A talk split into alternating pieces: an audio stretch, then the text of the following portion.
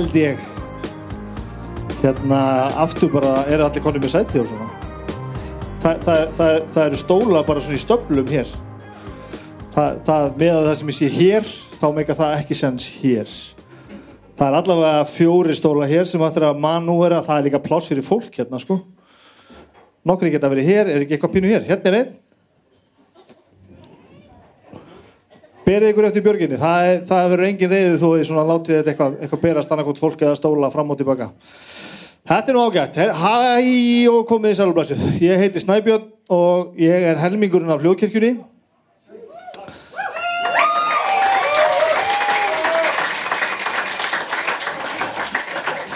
Hinn helmingurinn af hljóðkirkjunni er hérna bakvið að undirbúa eitthvað sem hann veit ekkert hvað er Uh, hann er alveg á góðum fíling með að hann ætla að fara að gera þetta full force og hann hefur ekki hugmyndum hvað kemur til að eiga sér stað.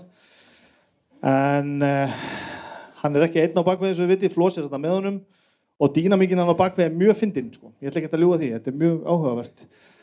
En hvað sem tautur raular velkomin á fyrsta lifandi sviðsviðburð hljóðkirkjunar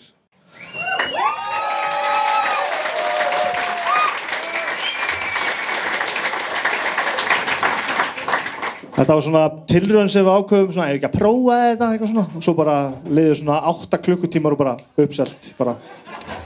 Ok, við þurfum að prófa þetta ofta sennilega. Stefnan er að, að við ætlum svona að reyna að halda okkur við að gera þetta eh, einu svona í mánuði, að reyna þá svona eitthvað að, að djögla þáttum hljóðkirkjunar, það verður þá eh, drauga fortíðar núna og svo kannski lista með næst eða eitthvað og hitt og þetta, þannig að þið verður að vera djúlega að hlusta á hinn hlaðverfin þó að draugarnir síðan alltaf frábærir og það allt saman það verður spínuð svekkjandi ef að listamenn koma næst og það mæta fjóri sko. en við tökum á því það, þegar það kemur þá er ég ekki svona ógeðslega hressum og sviði bara, á þetta var nú tilröðin sem að ég hefnaðist ekkert mjög. Við sjáum hvernig það fyrr eh, svona áður en ég eh, fer með eitthvað lengra þá langar mig sérstaklega til þess að þakka húrra fyrir að taka svona mótugur þetta er bara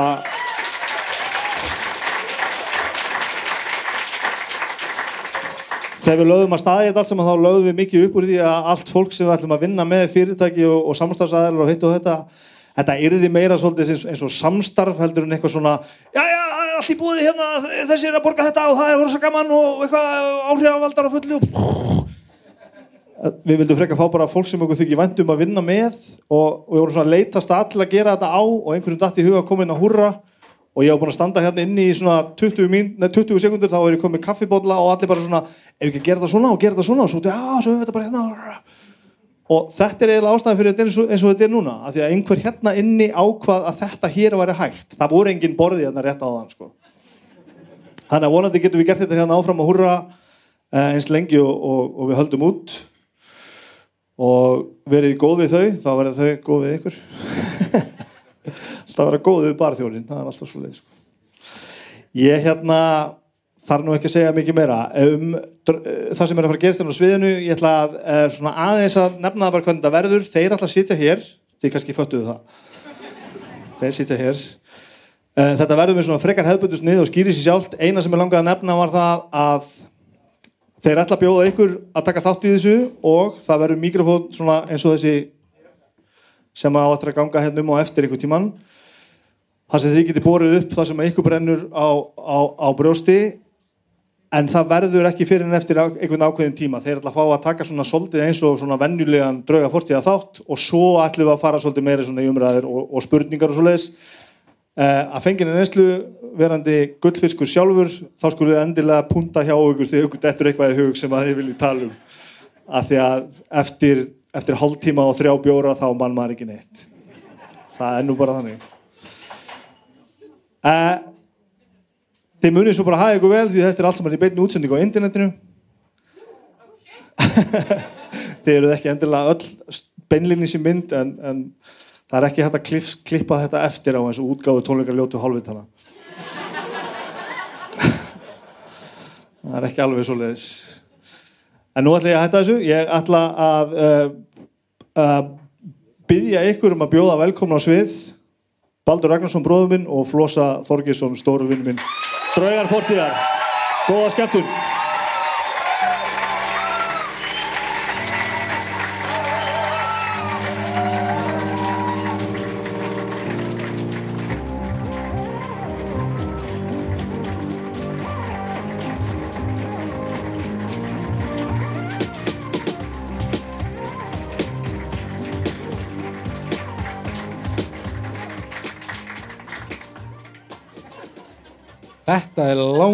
Öðvöldasta gig sem ég hef nokkuð tíma gert. Flósi minn, Ég setti þetta ekki upp, það nei, en þú ert að fara að taka þetta niður, síns mér. Það er einhver sem hefur brúðist. Herru, talaðu fólkið, ég skal reyna.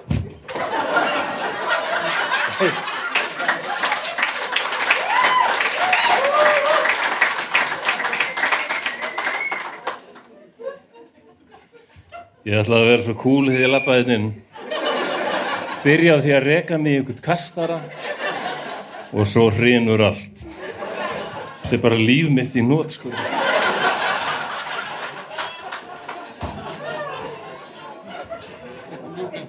Já. Ég er rosalega stressaði fyrir þetta. Ég, ég vanur að lappinu þetta svið alltaf með gítar og það er magtar hérna og maður setur bara í ganga og bara Já, og nú bara er ég eins og já, þú labbaði nú sviður reyfst allt í sundur út, það stressaður, ég þetta er fljótt að gerast. lappaði bara bara svið með tölvu eins og hver hann að raftónlistin nýbúin að reykja jónu eitthvað og fer að gera eitthvað Já, já, þetta er bara geggjað. Herru, þú laumar okkur kannski aðeins hérna í, í átalarinn, hann við heyrum í okkur. En já, þetta er langu öðvöldasta gig sem ég hef gert. Já, þú er bara að hlusta Ég þarf bara að hlusta, ég er bara að sitja hérna og hafa skoðanir og segja þér hvernig mér finnst eitthvað sem þú læriðir í mörg ár vera. Og ég get bara að tala með raskattinu og þið borgið mér öll fyrir það. Þetta er alveg, þetta er næs.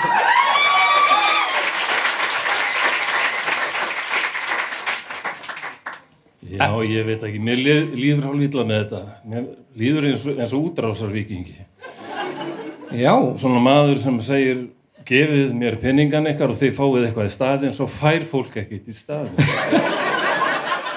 þetta verður bara algjörlega misefnað já, þú ert að, allir fara heim fullir af vonbröðum já, svona að selja kvöldstund. Er ekki allir stuði? Já, já. Já, já, við erum nú blessunlega búin að koma þér það vel fyrir að þú getur gjörsanlega skitt upp á bak og að halda allir með þér. Þannig að já, þér já. að vera, sko. En heyrðu, þú varst að segja mér svolítið hérna Já, baksviðs. vitið þið hvað dagur var í gær? Nú gerir ég ráð fyrir að hér séu fólk sem hefur daldið mikið hlustað á þættin okkar kannski. Þetta er allt fólk að göttunni held ég. Þetta. Í dag, nei, í gær var dánardægur manns sem dó árið 1993 og hétt Larry Walters. Þetta. Skál fyrir Larry. Skálfélari. Elsku Larry. Fljúðu Larry, fljúðu. Þið sem komum með vinum ykkur og vitið ekkert hvað þetta er þá skulle ég bara hlusta á þátt nummer þrjú og þá vonandi með þetta pínusens Já, sá þáttur er alltaf þegar við erum með einhverjar kannanir svona hvað er vinsalast. Já, Hann virðist alltaf taka það. hann svo, hann var svo mannlegur sko uh, og ég held að já, fólk er að kveikja honum svolítið eins og það sé, er að kveikja þér held ég það er þessi harkalegi mannlegi þáttur um, Ég veit ekki hvað ég að segja við þessu. Já, En hérna, Þú sérðum að vera fyndin, ég skal vera hlægilegur, þetta lítur að, það lítur að virka. bara eins og hall og laddi Þú ert á laddi eða ekki? Ég veit það ekki um, svo hall og ladd. Sorry En hérna, í fyrsta geti þá að liggur fyrir hvað flósellar að, tala um Já, uh, Þú valdir þetta vita það vonandi allir. Já, Ég klætti mig sérstaklega upp í tilhindi dagsins. Já. Þú varst svona líka gær líka. Reyndar. Já, já, Valdur þetta bara út frá því hvernig í- þú klæðir þig? klætti mig upp í gæri tilhindi dagsins í dag. Næs Og svona hefur þetta gengið í 20 ára eða eitthvað. Já, já. Góð dagur. Uh, En já, flósettar að tala um vilda vestrið, vissu það? Já. Öll. Já, þetta er svolítið spennandi sko. Já, það hefur lengi, stað- ekki að byrja á þessu aftur. Mjúk, mjúkendur, mjúkendur Og þú getur lækkað okkur aðeins hérna að að svolítið svona umfí okkur Aldrei upplifa það að mýkar að fótt sér ágengur við mig. Líklega eina fyrirbærið sem nú á dögum er eitthvað ágengt við mig.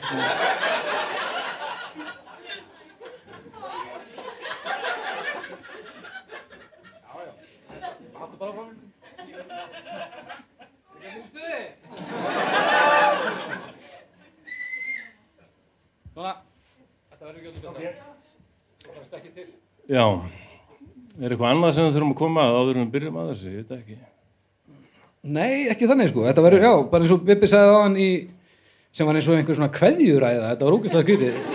Þá sem ég, við leiðum svo við værum að ljúka þessari svona húrra röð, en við erum að byrja hana. Við lofum. En nei, þetta verður bara svona hefbundin henni náttúrulega mjög óhefbundin að því að nú erum við að tala fyrir framann rosalega marga. Það er ógæslega skrítið að gera eitthvað sem við erum búin að gera 80, sam- 80 sinnum saman rúmlega sko. Og allt einu eru öll andlitin sem við vitum af að einhverstaðar, nú eru þau bara hérna. Og ég efast um að eftir að breyta miklu þannig sko en þannig að þetta verður bara svona eins hefbundið eins og aðstæður bjóðu upp á þetta og svo er fólk á internetinu að horfa. Nú. hæ? Uh, og nóg um það. Uh, en ég sem sagt uh, fekk flosa inn í stúdíóið. Hann tók upp lesturinn og ég gerði hljóðmyndið uh, við þetta í dag og við ætlum bara að opna því eins og vennilega þátt. Þannig að ég er hérna með þetta bara í lofanum. Svo verðum við að deyfa ljósinu og eitthvað svona. Þetta er náttúrulega leikhús sko.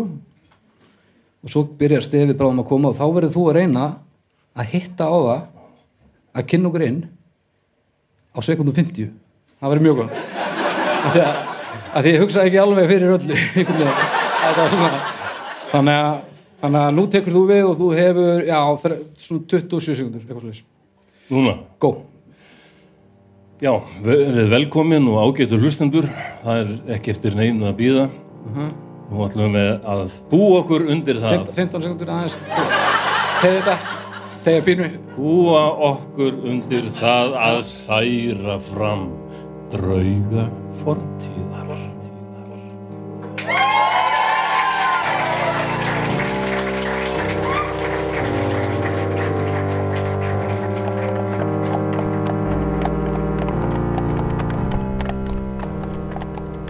Wyoming 1867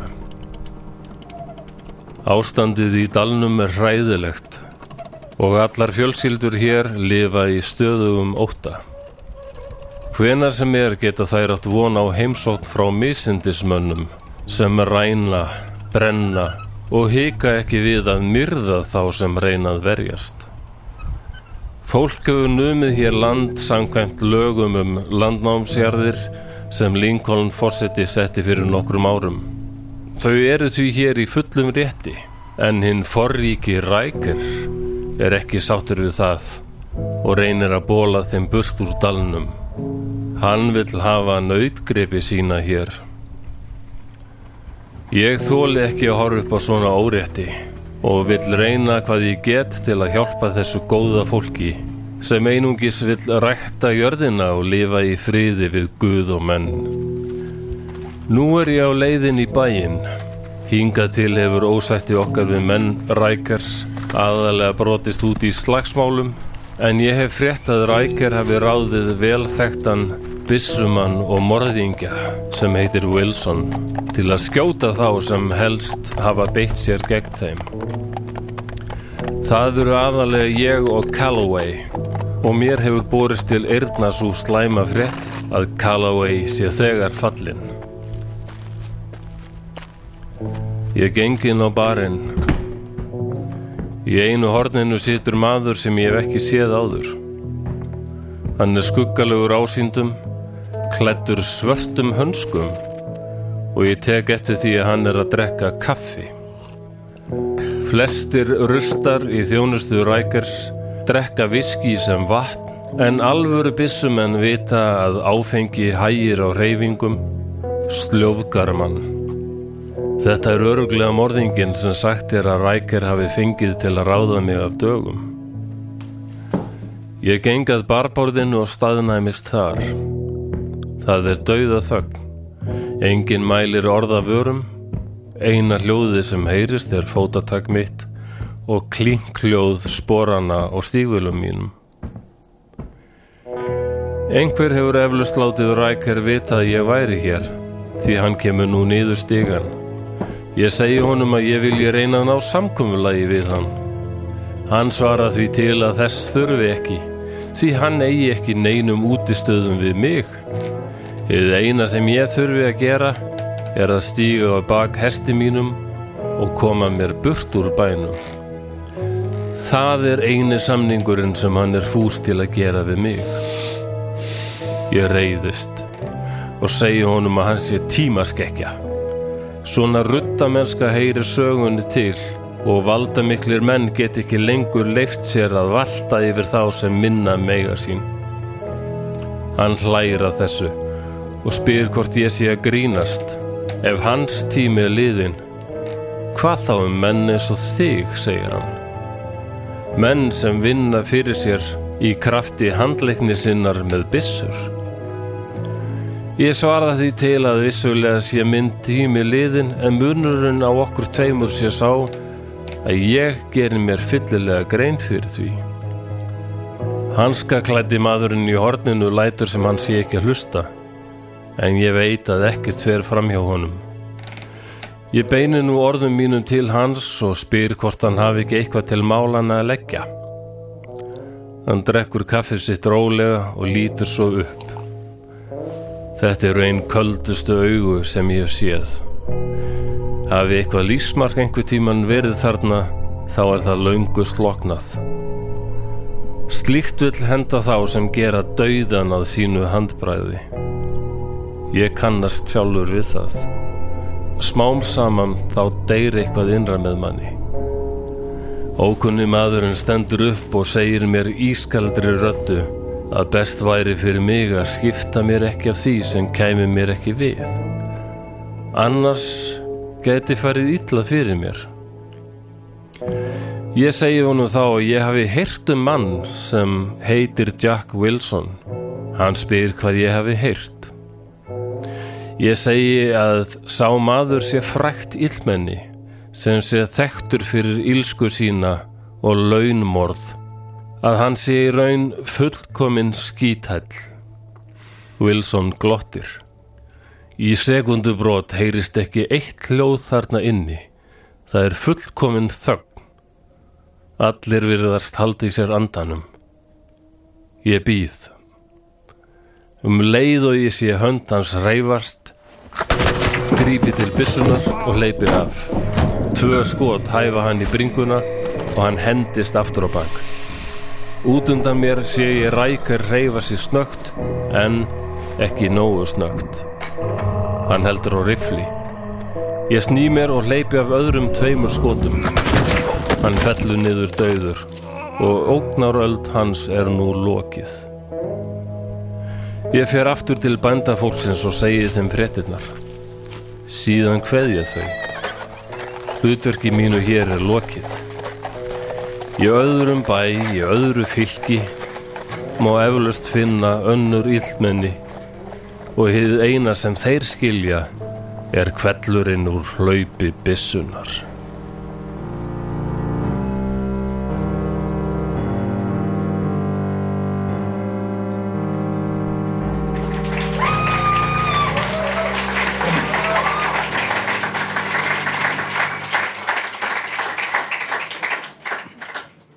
Kannast þú eitthvað við þetta?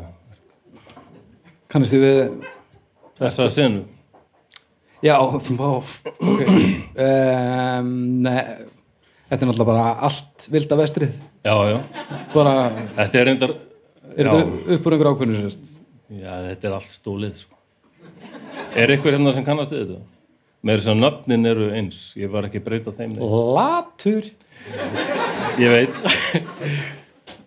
um, já, fyrst vildi ég taka hérna þá ímynd sem eiginlega allir hafa að vilda vesturunum, sem er þessi.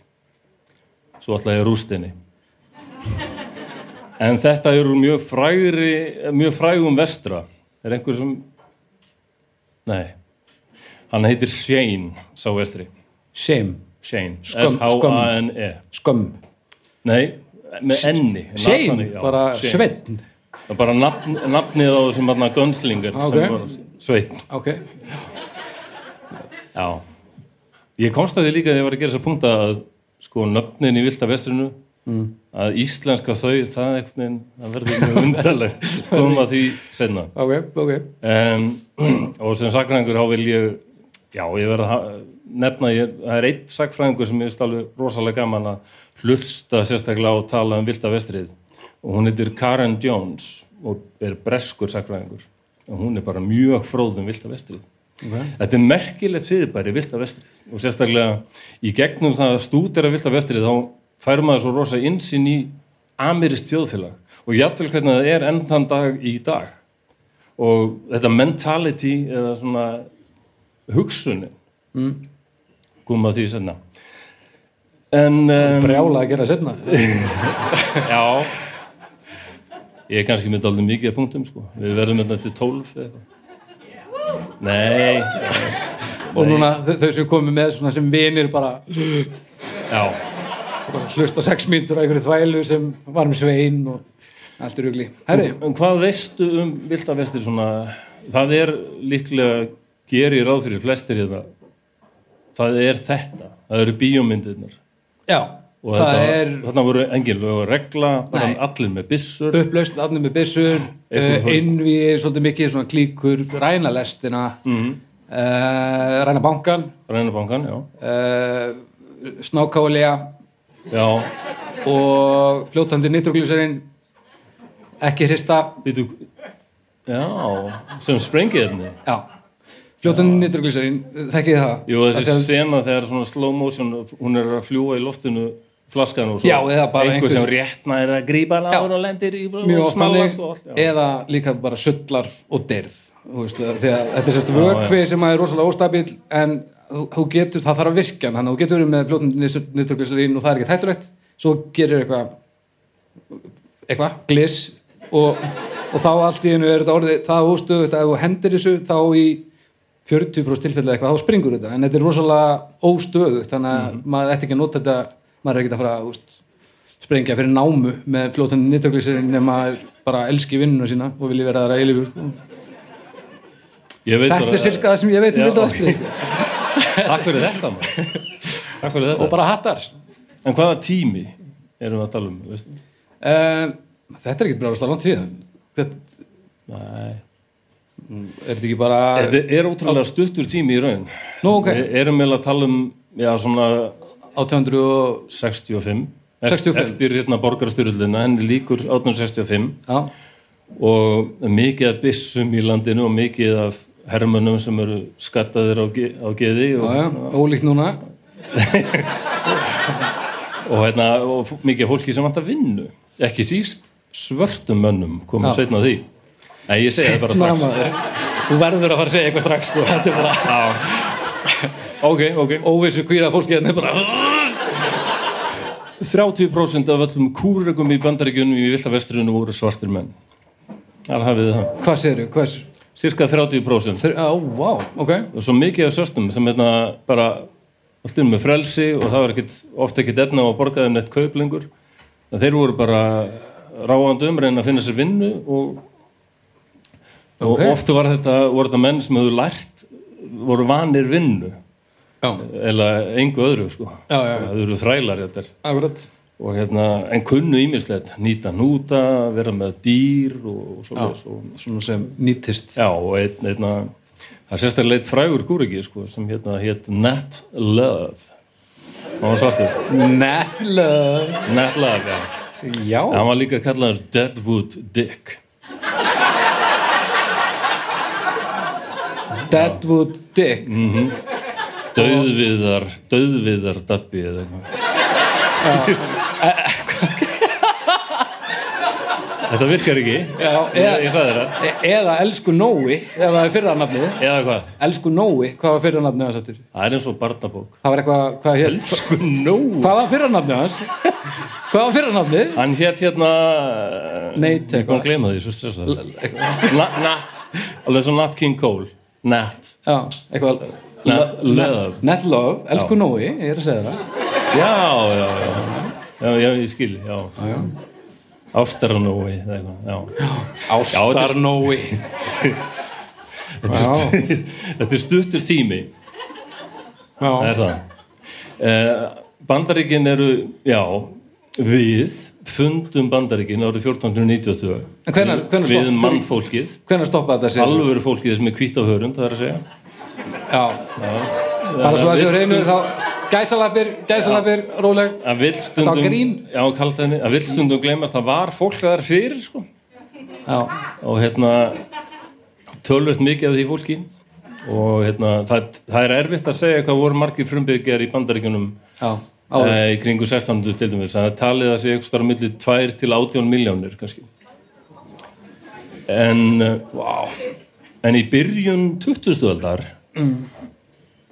þá voru þeir svona 600.000 já, í lók 20. aldar þá voru þeir um 250.000 en það sem drap þá aðalega, það var vissulega kvítimæðurinn, en við það, jú, við höfum stálið og, og skotvopn og hesta og svona, við höfum náttúrulega annað með okkur hvert sem við förum sem hefur dref stráðfelt fólk.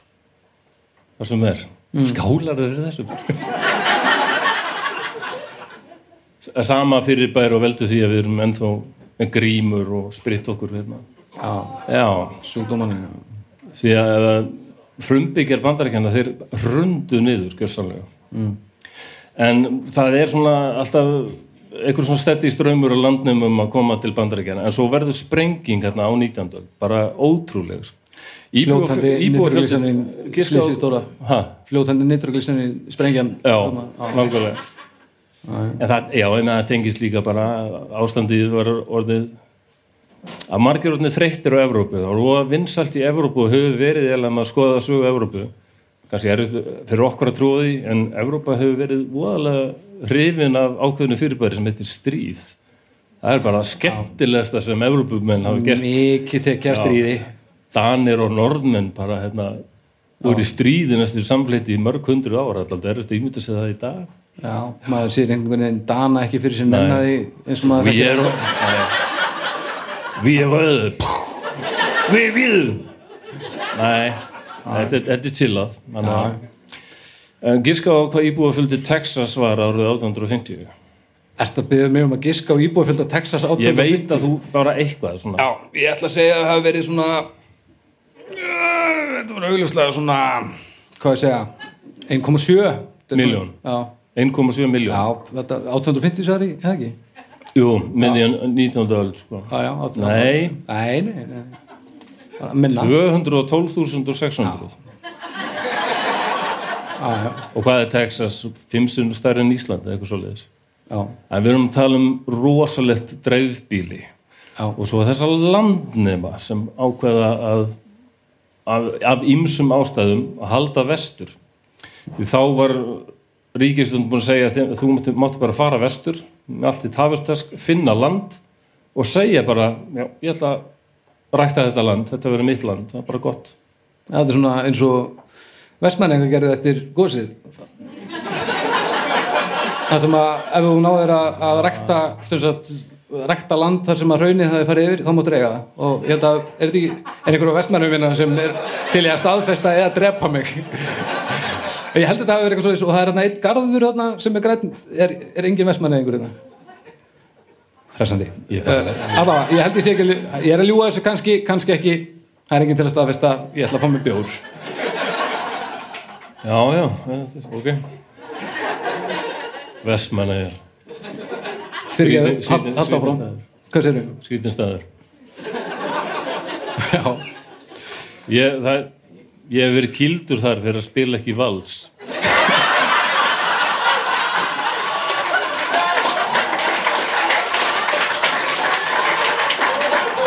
Já, alveg hvað, Ég var að spila með með ham eða? Nei, með Nei.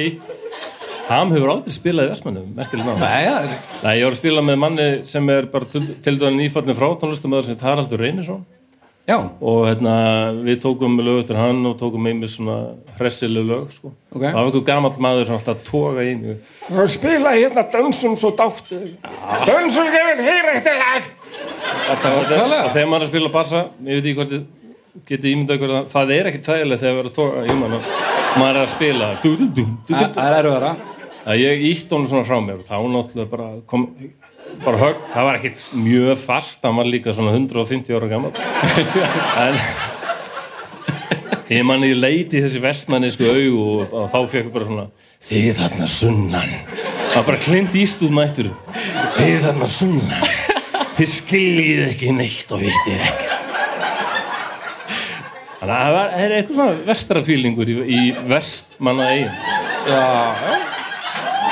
spæti í vestmann Því, því að þessi fílingur er, það er, ég veit ekki hvað þið hefur heyrt um eitthvað sem þetta er frontier mentality. Frontier mentality Já, landnema sem sagt geðslægið. Já, Eða, já. En ég ætla að varpa fram þeirri kenningu að bandaríkin og bara hvernig bandaríkjumenn hugsa og svona, já, það er daldið tengt þessari kenningu um landnema kenninguna og sá maður sem kom með það, hann heit hérna Jackson Turner. Ok.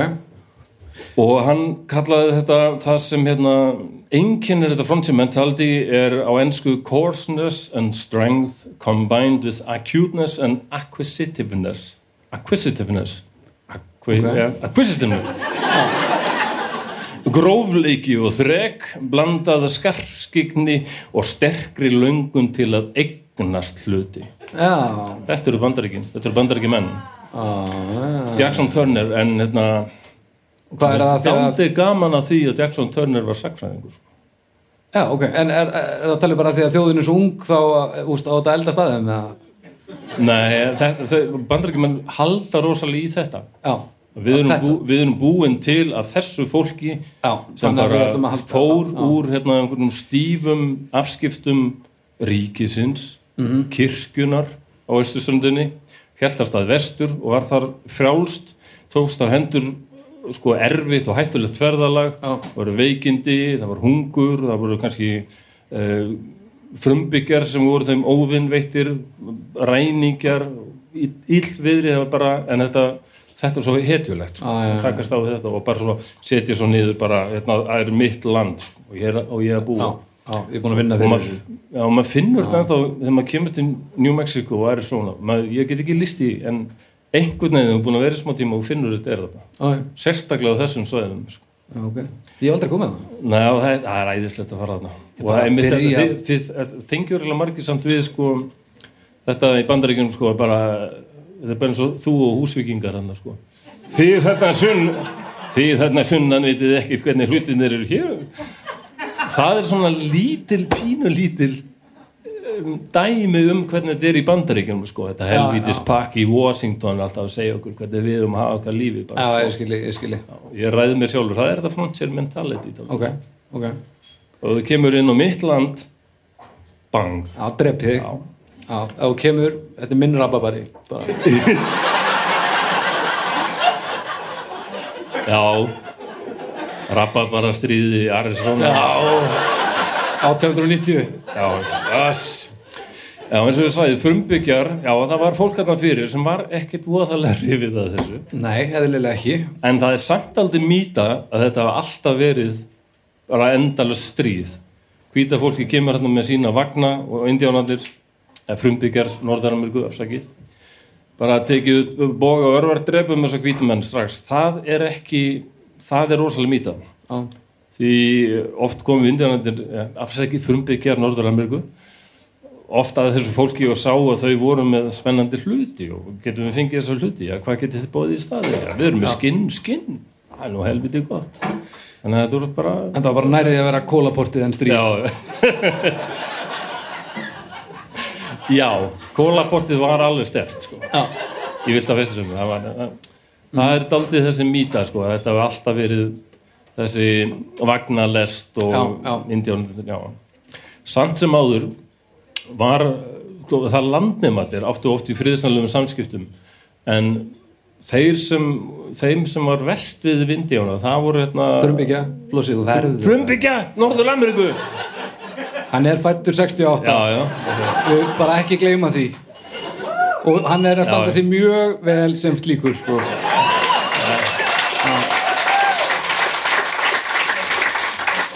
Þetta verður samt alltaf erfiðar og erfiðar ég finn alltaf hvernig ég er að verða meir og meir í risaðela það er alveg bara Já, ég finn það líka. Hverjum degi. Já, ég, ég get alveg elst, ég, ég, alltaf, ég bara finnst aldrei, af hverju, allir gamlir menn fá ykkur að svona rödd. Ég, ég nenni því ekki. Nei, en ég bara vil það ekki. Ég er ekki vissum að þú eigir eftir að fara þangað. Þín verður vissulega vissin og grá og, og umkunnaverð en hún verður samt ferund neðar þú verður alltaf að þú verður allavega hérna eitthvað. Já, ok, ég þótt ég fari í hjólastóli eitthvað, þá vil ég bara geta verið á elli heimilinu og öskur bara kaffi, já, kaffi! Það er gott að vera með plön. Já það verður ekkert annað. En já, hvað Já, segir ríkistjórnin, þessi vonda ríkistjórn það Já. var eitt sem þurfti að gera það var að leggja frá okay. austur til vestur, það var mikilvægara en allt annað og frumbyggjar Norður Ameríku. Já, Vel ég- um, það, er, það er náttúrulega bara margar þjóðir og þær eru sko eins og Sioux Sioux indjónar, Sioux Apache, Comanche stríðstjóðir, þetta eru bara alveg frá kynslu til kynsluða sko. Já, lifað á því. Svo eru aðrar eins og Pueblo indjánar sem voru meira bara rækta bara og Já. lifi í chiliði og svona. já. Það voru ekki all, allir hérna allir að drepa hvern annan sko. Nei, það voru ekki allir sama stemmaðara Nei. Kannan bara hérna heima samt, samt verið að segja, ég þól ekki þetta í bíómyndu líka, það var alltaf frumbíkar þeir eru í einhvern tengslum við einhvern sannleikar sem við hvítumennir eru ekki. Já, og allir Mér eiga þessi þykir leitt að segja það en frumbíkar Norður-Ameríku eru menn eins og við alveg jætt miklu fátur og, og við þetta eru- allt fín Já, bara er ég rasist til að segja þetta? Mér finnst bara allir kynþættir að vera hálfvitar Nei, ég held að nústilli þú var mikið sko. Þe- Þetta er mín skoðun, þetta er bara mín heimskoðun. Þetta er mín já. heimsýn. Hún á eftir að koma þér langt sko. og þe- Já, já, ég sit hér. Við hlýðin á þér, það segir ég kannski.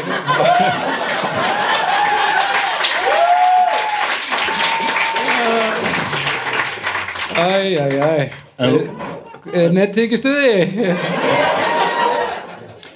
En árið 1865 þá er stríðið búið og búið að losa sig við þessi leiðikjörnu Suðuríki sem vildu ennþá vera með þræla og eitthvað svona og ekki yðunvæðast Já, að reynda störtlað að, að, að ég vissi það ekki en komst á því að í Suðuríkjunum þá voru miklu miklu fleiri þrælar heldur en hvít fólk.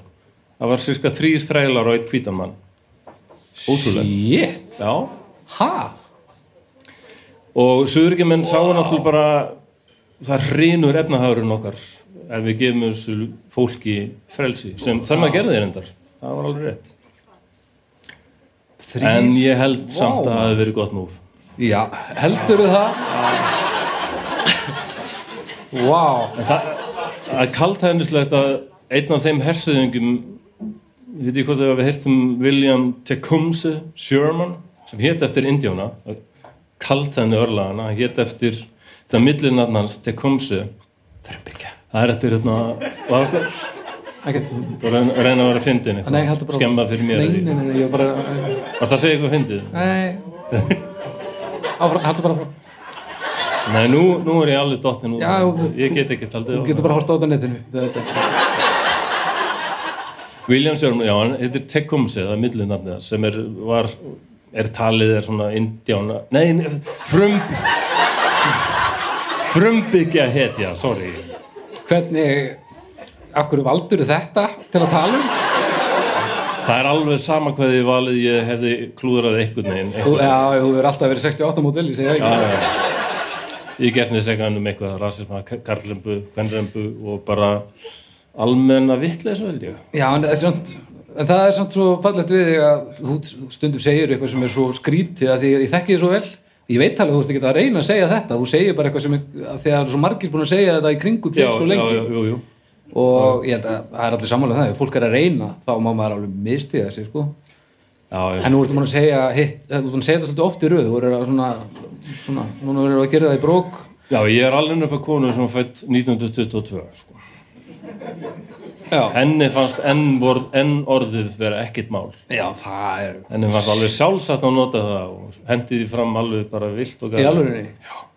þarna er kynnslóðabilið á millu okkar svakalegt sko. Ég hef sagt þér á því, þegar ég byrjar að deyta ameríska konu já, og sagði mömmu frá því ég bara er að hitta konu, hún er frá bandaríkjunum Já. Er hún nokkuð svört? Nei, Jú, jú. já, pældi hvað er stutt síðan þetta var? Já, þetta er náttúrulega rasismi en mamma var samt ekki vond kona bara, Nei, þetta var náttúrulega líka bara Hún bara þekkti, þekkti ekki til sko. Nei. Fyrir henni voru þetta bara einhverja pældi samt í geimverur, hvað er sko. stutt síðan þetta var svona. Nei, það er mjög stutt síðan. Það er eiginlega óhugnarlega stutt síðan. Já, Já, og William Sherman fær það verkefni frá ríkistóninni, bara 1865 Mm.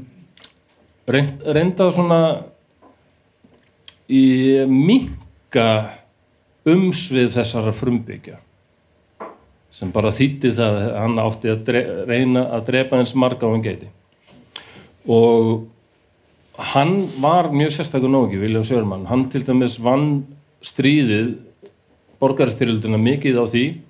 Hann sagði við erum að hætta þessu bulli að vera í ykkur svona heiðvirðu stríði þetta stríð er ekki þannig. Stríð er bara ekki viðbjöður og við skulum bara fara 100% í það. Þannig að hans menn þeir drápu alla búgripi brendu öll hús og bara rústu öllum járbrjótategum Já, þeir, já. þeir lögðu sko Georgíu fylki nánast í rúst. Þannig að væri bara ekkert hægt að halda áfram sama hvað. sviðin jörð sko. Anskotin já og sérstaklega það en þetta virkaði þetta Já, hann var bara því og hann var geðveikur hann var í álfur geðveikur að kollegi Já, hann var, nei, ég myndi segja að hann hafi verið meira svona geðveikur eins og þú er geðveikur. Já, Hann var svona mani og depressífur gaur, sko. Hann þurfti mér að vera geðveikur að hæli, sko. ok En hann þekkti mann sem heit Ulysses Grant. Það er meira mín típa, sko. Hvað sér, Júli, Ulysses Hvernig er Grant. það skrifað, Ulysses Ulysses með Usulunni. Ulysses U-L-I-S-S-E-S. Já, já, já, já, já. Þetta kemur úr grískum fornbókmentum. já. Uh, ég held með þess að, að En Ulysses kemur það Notting sem- Hill Er, er það ekki, er það, ha? Haltu bara áfram Varst það vitni hérna Hugh Grant myndina? Já, má, já, það má deila það sko Mér finnst hún leiðileg. Ég hef Mér verið með finnst að ná til leiðinleg. allra, allra a- a- til allra aldurshópa nema þeir sem eru undir 30 Allavega Ulysses S. Grant var þunglindur alkohólisti. Ah, Meira svona mingaði, sko. þinn maður Og William Sherman sagði setna um Ulysses S. Grant þegar gekk ítli stríðinu, hann bakkaði Ulysses alltaf. Ulysses Grant Þetta er ekki, er hægt sko. Nei, ok. Ég held þetta séu grískum forbókmennum. Er þetta ekki Ódysseifur úr grískum forbókmennum? Eða ekki? Ég held það. Líka Já, ok, til, til að gera það þægilega fyrir þig, þá sagði Vildi um eða Vildi sagði um Ulla, Villi sagði mulla við, Já, notum það Það er gott að Vildi sagði ég bakka Ulla alltaf. okay. Því að þegar ég var að gefa ykkur helinu, þá stóð Ulli með mér og þegar hann var blindfullur í ræsunni, þá stóð ég með honum, það er bara þannig. Það er að vera flottir Og Ulli var setna fórseti bandaríkjana. Já Já. En þarna, William Sherman var líka, hann, hann fekk til sín, hann bjóðilega til svona lítinn her. eins og maður gerir Já, það voru menn sem kunnu að hesta og að skjóta og höfðu drepið vissulega áður í- og nú fóru þeir bara að drepa frumbyggja. En fyrsta mítan sem við eðilegjum í dag er vilda vestrið var ekkert vilt. Nú, En þarna, tengt þessu frontier mentality og Amerikunum sem dag er að tala um að þetta hafi verið svona, það voru ekki lög, það var bara fólk gerði sín eigin lög og við þurfum ekki ríkisafskipti, mm. þau hafa alltaf haldið þessu lofti, að þetta hafi verið rosalega vilt. já, En það, það stendst eiginlega enga skoðum og þetta finnst mér mjög skemmtilegt. Um, Bissu lög í dag í bandarækjunum eru svo miklu, miklu frjálsari og léttari heldur en þau voru nokkuð tími í vilda vestri. Nei. Jú, Ó, þetta er þetta óþálandi það er ótrúlega fyndið því að þessir, já, oft hægri menn segja þetta að na, í gamla, gamla dag í vilda vestrinu sem var það sem skóp Ameríku máttu allir lampu með skambissu og það var bara réttur fólks já. og ég má það líka. Lappin í Walmart með skambissu að hillan geti dottið á mig, ég þarf að skjóta hann eða eitthvað þetta er allt röggrétt og, en það er bara ekki rétt. Nei, það voru voru ströng byssu lög ekki Ok, það er rétt hjá þeim að fólk það var ekki ríkisvald yfir þessu fólki en fólk er ekki fáiðar til þess að segja á þann að allir voru á þetta. Á Æ, hérna komstu upp með mig. Nei, bara sorry, ég er að hlusta í alveg sko. Nei, ég er ekkit svartsýtt, ég er aftur á móti rosalega bjartsýtt og hef trú á mannkennun og...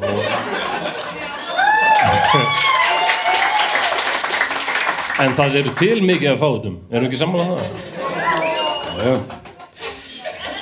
En býtu, semst áttu allir byssur það voru bara ekki allir að skjóta alla Og þessir hægri menn segja þetta, sem sagt, þetta svona var þetta í villavesturinu og Já. þeir sem vilja hafa harðari viðurlög við byssulögum í dag, Já. þeir segja sko þetta enda með því að þetta verður bara eins og vilda vesturinu en gerir sér ekki reym fyrir því og það væri bara mjög fínt ef þetta er eins og í vilda vesturinu. ah, Til dæmis að í Tombstone voru sett lög árið 1881 bara algjörlega bannað að vera með byssur, ekki eins og byssur, heldur líka hnífa ba innan bæjamarka. Já, Bara, í bara. já, komst í bæin, þá kom bara, bara kom löggan bara. Og hvað er byssur? Já, við erum byssur, já. Bara skila byssun og fyrstu svona, fyrstu svona pening. Fékkstu svona- svona miða bara eins og í Eins og fata hengi. fékkstu númer Já, hún númer, já, er í byssunum mér, já, bara kolt, nei, smið og vessun, svo vel. Svona var 30 þetta. kost svona á snögum Talandum, hérna, já, það er einn eftirlætis bíósenan mín. Við verðum svo lengi hérna sko Já. Þú mér almáttur.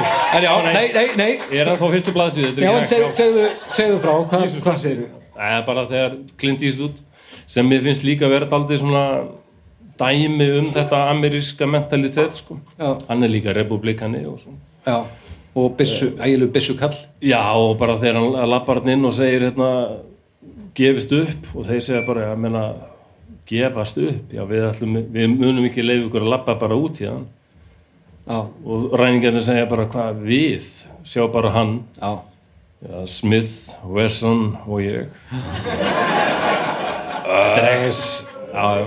Já, Eh, Dodge City. Þetta er svona svolítið eins og fólk segir á balli hérna eitthvað. Serðu þennan hérna? Þetta er bróður hans Nefnum bara aðeins og aðlara kannski Oj, bara, hefur þú gert þetta? Alls ekki Ertu eitthvað bilaður? Bara á bara á ídölum Hélstu, Flossi, að ég hefði eitthvað tíma að fara á ball og sagt Já, hann er hérna Þetta er bróður Helst, trúður því upp á mig? Ég held við þekktumst. Yeah. Ég held við þekktumst. Þú ert frá Húsavík, sko. Já,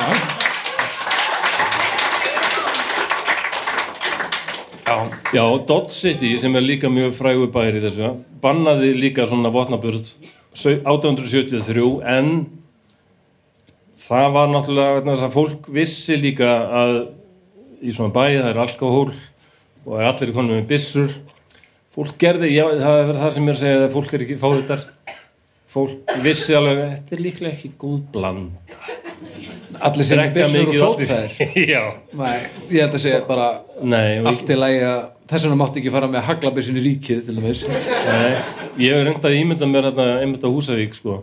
hressilegt förstudagskvöld ef allt þetta fólk hefur verið með byssur Já, ég vil ekki er einhver með byssu hérna núna? Af því að það, þegar ég láta Frans hafa hana hérna í ingangun Hvað sagði hann? Bara alkohól. Já, já, það hefur aldrei dreipið neitt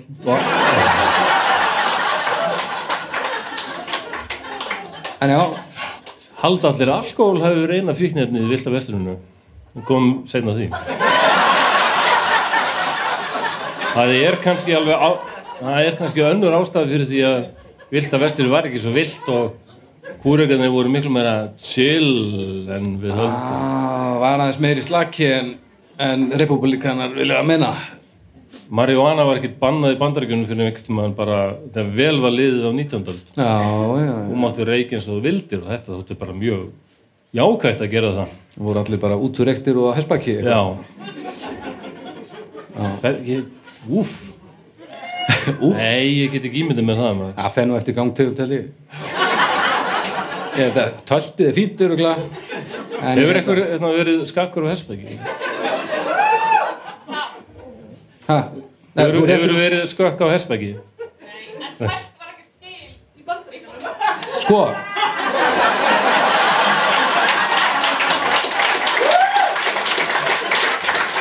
En uh, gaman að segja fyrir því hins vegar ótrúlega þess að þá er ég nýbúin að kynna með tölt.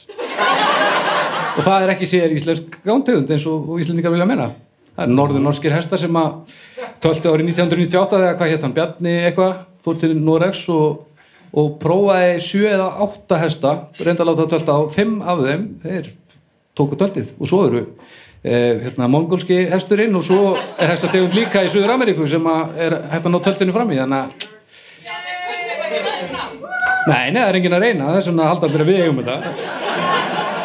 Þannig að, já, Oh my En þeir eru orðið ákveðið freðin í vilda vesturinu ekki segja mér að það hafi verið heil bandaríkin alveg út úr freðin á hestbæki og enginn hafi einhvern veginn óvart ramba á tölt. Það er bara ekki sens Ég hefði aldrei trúað því að þú værir rossanur. Ég er það heldur ekki. Ég er aldrei- Þetta bara kom fyrir mig En allavega, Dot City bannar, já, fyrst, fyrst var þetta leifilegt og það endaði með því að eitt árið þá voru átján skotnir til bana og þá bara, nei, nú bönnuðu þetta. Þá voru bara ekkert fleiri skotnir til bana. En það voru cirka, það voru, minnu ég hefur lesið að það voru svona innan við tíu, næstu tíu árin sem voru skotnir til bana í Tombstone. Já, já. mm. Og Tombstone var með svipu lög þegar hérna, Wyatt Earp og félagar drápu kúrega í frægum byssubarda við OK Corral. Ok, Það er googlið gunfight að því OK Corral, er svona frægasti gunfight í Vilda Vestrinu. ok Hvað heldur hann hafi tekið langan tíma? Ekki svo Nei, Þetta var allt bara bang bang bang og einhver vann Nei, þetta rýmaði næstu því 30 sekundur. Já, Frægasti byssubarda í Vilda Vestrinu, 30 sekundur. já, það var nota tíman Já. Og sá byssubardaði var einfallega verna þess að þessi kúregar vildu ekki skila inn byssunum sínum og þá bara Já, já, já. Þetta var bara nöðsinn.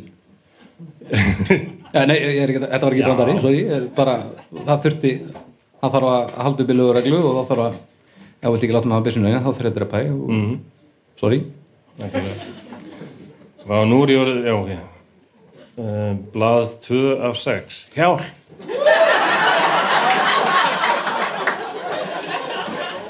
Geti ég fengið annan bjór, bróðum? Já, eh, tökum við pásu svo allir geti... Nei, Nei. Eða, það var ekki planið, en kannski lóknust út af. Þú sem ekki í þessu, nei, blæsar. Ég, ég þólið þig.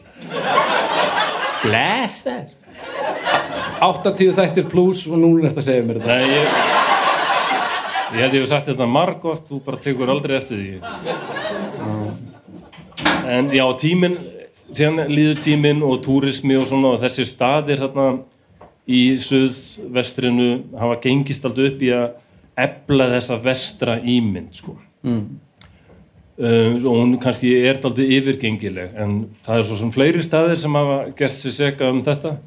Ég spyr ykkur til dæmis, Ég hef lesið eða allar íslendingasöðunar. Ég hef aldrei sér minnst á Hafnarsfjörð. Aldrei. En, en samt þú keirir inn í Hafnarfjörð. Welcome to Viking Town. Og, og það er ekkert honum að kenna með ekkert vera reið við flosa. Við erum bara að við einhvern drulla sem skrifaði einhverja belju í gamla dag. Og bara, þegar ég var ungu maður að alastu þá heyrið ég aldrei talað um Hafnarfjörð sem vikinga, vikinga eitthvað. Nei. Og vikingar þóttu bara ekkert rosalega cool. Sko. Átti eftir að breytast. Þegar Vikings kom fram á sjónasviði. En við komum að því síðar. Já, já, já, já. Ok. Eh, Það er annað fyrir bara hérna, við sjáum alltaf í bíómyndum sko, þá erum menn á að fara að njóstna kannski, eins og til dæmis í í hérna borgarstyrildinu var að njóstna og, og þá fara menn að hestum. Ekki góð hugmynd. Nei. hestar eru leiðinda skettnur sem alltaf Þetta var lélegasta eftir þegar maður vest Þetta var ekki hestur. Er að, Þetta var eiginlega allt annað. Ég, Þetta var hins vegar Þetta var fyrirtaks tapýr eða fýll í andarslitrunum Já, já Æ, menna, ok, þið hestar alltaf að frísa og fnæsa og Já. stappa niður hófunum og þetta er bara undarlegar verur hestar ég lék á móti hesti í, í sumar ég, í bíómynd og aðal mótleikarinn minn var hestur það var, Uh, Já, ég, hvað ég náði aldrei neinum tengslum veginn. Nei Hvaða mynd var það? Fagri Blakkur 17 ég má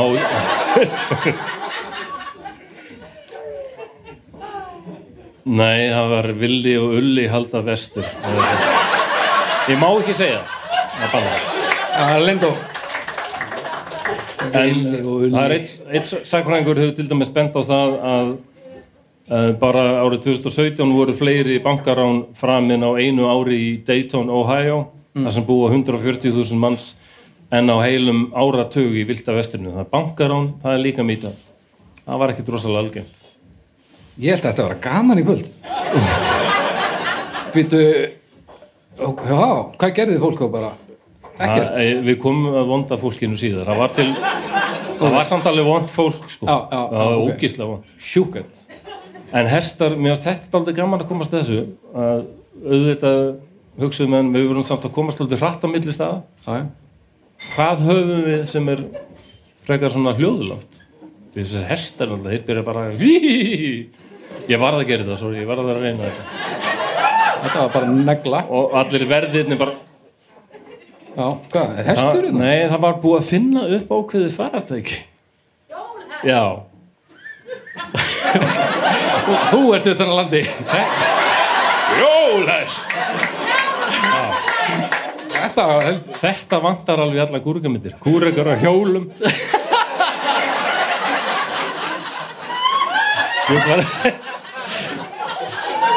John Wayne á hjóli. En grínlaust. Grínlaust þótti reyðhjólið bara virkilega gott í þetta. Fara hratt á staðinn, njósna já, komast hratt tilbaka. Já. Ekki jafn svo allt í alveg en ok, nú ætla ég að fara að vera mjög politically correct. Reyna það. Já, ég var örglega eftir að klúðra því alveg rosalega. Já, já, það er stillega já, já. Þú ert samt að gera það Ég upp var- átt, sko. ég- nei. Ég spái að fara að segja ykkur hræðilega sögur sem hún Nei, nei, nei, nei, nei. Við erum búin að Við erum búin að kúka ná minningu um að mögunar í kvöld þetta Ok. Já, ég er þegar búin að segja ykkur að svona 25-30% af öllum kúregum voru svartir. Önnur 25-30% ekki hvítir eða já, nú er, nú er örgulega búin að eðilega þetta. Haltu bara áfram, við höldum öll með þér Mexikanar. Þriðjungur Já. Ha? Fuck you John Wayne. Það eru svartir og mexikanar. Það eru er uppistaðan í kúregum bandaríkjana. Já. Svartir menn Vá og Mexikanar og Mexikanar voru byrjaðir á þessu löngu áður þeir voru alveg vanið því að væri eitthvað svona ranch og mikið af nautgripum svo að þetta byrjar hérna eftir uh, borgarastyrildina skortur á mat Já. hérna í vestri og þá er byrjað að fara með þúsundur nautgripa vestur á bóin og það vantar bara einhverja sem eru góðir í þessu góðir með svona Snuru? Slöngu vaðal eða hvað heitir þetta víslir Þetta heitir held ég slöngu vaðall lasso Já, já. Og, og, og slöngu vaðall já. Já, Það er, nei, það er eitthvað allt annað. Eitthvað, eitthvað á læknisfræði. Hefur sagt þér á því ég var að læra eins og fyrir prófi í sakfræði og gerði það í rosalega mis, mistök að setjast til hliðin á læknanum ég held ég að minnst það á þetta öðru. Ok og ég var bara eitthvað, já, já, þetta er svo 1863 og þeir bara heyra allt í hennu vessar úr sepum kemur drep í sárið og, og kannski hérna, já, ákveðið sníkutýr sem, já, nei, er, já, er það sepi, er það, hold, er það dögt hold, já, ég myndi bara hvað er þetta fólk að segja? Læknanumar, aldrei sittast við liðinu læknanumar það er ógeðslegt. Er ykkur læknanemar hérna? Gott, þá þarf enginn að færa sig Ég er ekki að segja læknanum að segja hvað, þeir eru frábæri sko. Gott að einhvern enni að pæli í sepum og vessum. En já, þeir hétu vaqueros, Já. sem er bara því bara kúriki á mexikansku. Já, Það er spænsku. mexíkönsku Og ég er með kúreka hatt og ég er í kúreka stífurum. Já, ógeðslega kúl, Já, íha, segi ég nú bara rosalega kúl. Já, já. Nema hvað, þetta þótti bara ekkert kúl. Hvað, varst hún bara normkor í villavæsturinn eða eitthvað? ekki ég, ok, þetta er hugtak sem ég mun aldrei geta fattað Ok. normkor Já, ég held við leysum það ekki í kvöld sko nei, Ég held að vera frá námskeið bara eitthvað. ekki já, já. Normkor. En býtu, hvað, hvað þótti svona aðsnarlegt við Var það gamaldags eða var það bara meina, pós? þetta, þetta, þetta var ekki fínt starf að vera kúriki Já, hitt tímyndir náttúrulega kemur mikið síðan já, já, já, það kemur sinna sko. nú er það, en þeir voru sem sagt með barðastóra hatta, verða sig gett sólinni einfalt mál, Ok. og með klúta fyrir vitunum Já, af því að Rík, rík og vesen 10.000 naugripir, er aldrei mikið rík Já, sem er, já. Slemur Byss, og byssur ekki jafn mikið gegn grimmum frumbyggjum eða ræningum eins og fólk geti haldið heldur. Það er margt annað þarna. Sléttúlvar, Já, snákar og bara allskins myndir og vesen sko. Já, þannig að heiðarlegar svona vilda vestursmyndir væru astnalar en hann hafði nættla hvað sér Það væru bara svona vilda vestursmyndir svona spagetti vestrar eða þau væru heiðarlegir þá var þetta bara allt saman frekar praktist og astnalegt sko spagetti vestarnir samt finnst mér færðu þetta nær raunveruleikanum það eru allir svona skítugir og sveittir og vondir ekki og... alveg slikk eitthvað. Nei ekki eins og John Wayne. Ég, þó, var- ég þóli eiginlega ekki John Wayne. En hvað, já, bara sorry. Nei, nei, það er bara algjör rasisti og er hægri maður sem stutti algjör- ég algjört fíbl sko. Fíla hann ekki sko. En hérna, hvað þótti þó fínt að vera? Bara svona, eh, bara eins og í dag svona, það var meira svona eins og bara þetta aristokrati viktoríanska tímans í Evrópu það hefði náttúrulega færst yfir til Östurstrandar og eftir Boston og New York þá sástu eh, karlmenn með pípuhatta og gólfötum og svona. Var astnalur og pípuhætturinn var inn það er alltaf þannig, svona alþýðu tískan, hún bara, hennu verður bara menna, þetta gerist alltaf. Rómaveldi menna Rómverjar, þeir tóku gaulverja gallíska fanga og alltaf sjáu þessu gaurið þeir þeir eru þetta buksum algjöri fá þetta. Það er ekki pilsum eins og við. Auðmikið buksum svo bara byrjuðu svona rómversk ungmenni bara móti móti hérna, the man, Já. sko, móti pappa fór að vera fyndið í- buksum strákurinn og- bara eins og galli. Ég vil að fyndið að unglingar hafa alltaf verið á móti lík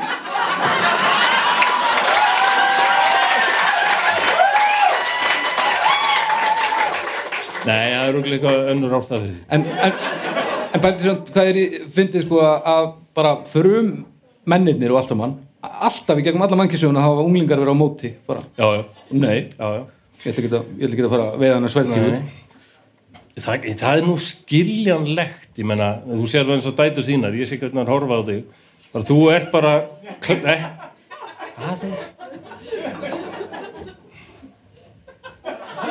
þú ert klettur inn í lífið þeirra þú að vera. Bara allt sem þú að vera, fóröldur segja bara, það er bara sannleikurinn lög og reglur, pappi og mamma vita allt. En svo liður tíminn. Heilin stækkar í þessum ungmennum. Já, og allt þeim faraði að sjá herruðu, pappi er nú bara fálgerður lúði. Já og, og ef, allt, ef okkur tekst vel til þá fara það náttúrulega vel fram úr okkur sko. Og ná, Já, ná stöðum sko. sem að við komumst aldrei á. En það kemur tímabil hérna þau, þau bara, oh god maður. Pappi, hvað er það að segja sko? já, pappi er svona algjör lúði sko. láttu mig vita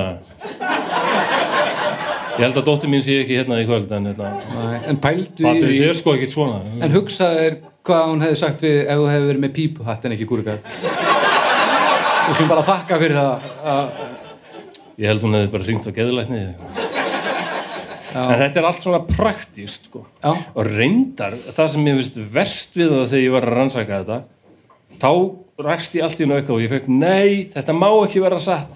Nei, Nei. ekki Stetson hatturinn. Þessi Stetson, þetta er Stetson. Okay. keiftur í Texas og þessi stígvel eru notuð stígvel sem ég keifti í New Mexico. Þetta er New Frá 1860 ekki tala ekki tala ítlum New Mexico hérna. æðisluðu staður.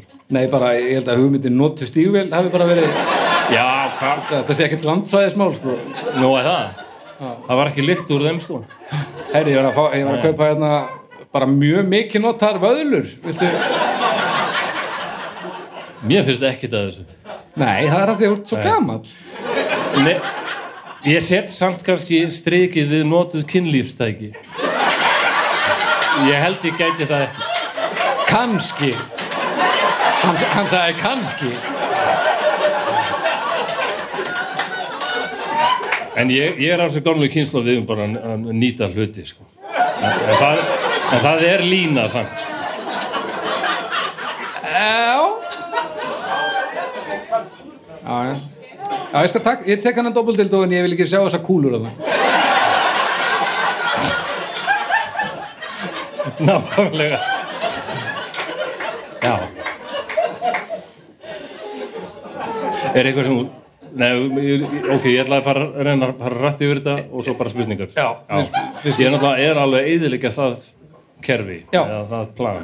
Já, gerðu Ok, þetta besta. miljónir af naugripum eru reknir vestur, svo kemur 1890, þá er vilda vestur eiginlega bara búið. 1890, þá getur við sagt, 1890 já þá er eiginlega flestir þessi naugripir komnir vestur. Var þetta bara Var þetta bara svona eitt mission Já, bara erðu við erum með, hérna með fullt af beljum og dóti, við erum að koma þeim þanga og það verður svona vilda vestur um meðan Já, og þá var mikið af landnemum sem voru líka komnir Já. og bara búnir að nema Já, land búið að koma og við- búið, Já, sko. já, já, já. og búið að drepa mest allavega af þessum frumbyggjum og bara búið að sigra vilda vestri. Já, 1890 en það var erfitt að vera kúrikimæður þetta var 15 tíma vinnudagur alltaf á já, í rík stormi svoleiðis, og Ok. vondu veðri og en, þetta var þokkalega borgað. Ok, þetta var ágætlega borgað. Já, næs og hann, já, ég ætla að segja hann not love eða Deadwood Dick. Hann sagði sko þessi tilfinning þegar ég kom inn á hespag og með byssurnar hérna á liðin á mér sko. Já, finnst mér eins og ég geti bara sigrað heiminn þannig að hann er svona dæmum þetta eh, þessa frelsis hugsun sko, Já, já, fara bort á sléttuna og já og líka bara mikil mennsku brjála því að þetta er náttúrulega ekki rétt hjá en, hann getur, alveg, hann getur alveg farið eitthvað og skotið en hann getur ekki segra allt, það er bara ekki hann annað sem ég þóla ekki eins og þessi myndana Shane sem ég tala um sem, eh, þetta eru þeir Alan Ladd sem hérna, reyndar hataði byssur sem leikur í The Gunslinger og hann var svo mikil, hann var byssur svo þetta að taka þetta marg oft þegar hann takaði þér upp að því það var alltaf bara hvað er með byssufóbíu? Já, og vondigurinn sem Jack Palance leik, aðeinslu leikari, hann var með hestafóbíu. Þetta gekk ekki rosalega vel á köflum. Hvaða satisti kastaði í þetta? Man ekki það hétt. Þetta er ágætt mynd sko, hún er voðalega amerísk, en, og hérna, já, Hvað ertu komin langt á veg já og þeir eru, um, ég er á uh, screen 3 of 6, þetta er voðalegt. Ok, við, eigum við kannski að klára þriðublasu, taka pínu pásu og halda svo áfram, eða hvað segið þið? Er það ekki, að málið. pissa á svona. Ok, klárum það, svo fyrir við og Er það segjum hæ og svo komum við kannski Eða fljó- díll? Verður kannski fljótari eftir, eftir Já. uh, já. Ok, þetta, er plan, þetta er plan. Það vantar alltaf í bíómyndum bæði Al Alan Ladd og, og hérna, hann Jack Palance. Já, Þeir eru ekki með nokkuð fyrirbriði sem við báðir eru með sko. Að þú er búin að vera ríða á hesti dögum saman, vatn er af skornum skamti já, þá færð eitt glas af vatni kannski. Það er eina vatnið sem þú hefur. Já. Og bara, ég ætla að nota það allt í að raka mig? Nei, Nei, að nota það allt í að þvó föti mín. Nei, nei, drekka það bara. Þannig að með skegg. En það er endan á mjög mörgum myndum úr vilda vesturinu þá sést að það það er ekkit allir með allskegg en yfirskeggið var Já, afa málið sko. það er ótrúlegt hvað það hefur verið langlíft með hvað er ekki beintu, ekki beintu ömulegt heldur, veist, að, að því að það eru svo fáir sem púla en þeir sem púla þá er það náttúrulega best í fucking heimi en það er, halda svo margir að geta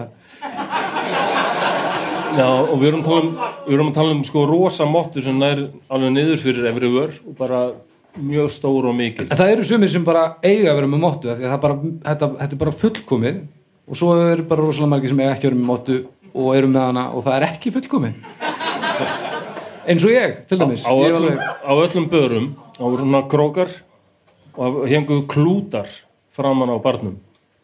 Því að þegar menn með svona mikið skegg er að drekka þá vill oft koma bjór eða eitthvað vill koma fróða í segið já, já. þá tóku menn hennar klút og hann var, ald, var einn klút? Hann var aldrei þvegin var, var þetta sérst klútur fyrir alla? Já já. ef ef við höfum farið þarna aftur í vest, vilda vestið hvað með ba- bakteríur bara, já, já, já, þetta hljómar ekki eins og góð hugmynd. Nei, þetta var þú varst alltaf ekki með fróð í skegginu. Ég er með alveg sérstakann kaplað um hreinlæti í vilda vestur er, erum við að fara í pásu bara núna eða hvað? Eða viltu halda þessu áfram? já, ég ætla að eiginleika eina mýtu og koma með eitt sem örgulega mjög fáir vita. Ok, Eh, Þa, það sem vantar líka í nei, það sem er í öllum kurkumundum það er þessi djúvel, eins og einvíð Eh, eiginlega bara 99% tilbúningur. Bæði voru byssutnar þetta var algjört drast já, það voru mjög ónákvæmar og þetta bara þetta týðkaðist ekki. Ef þú ætlar að drepa ykkur þá drafst hann bara.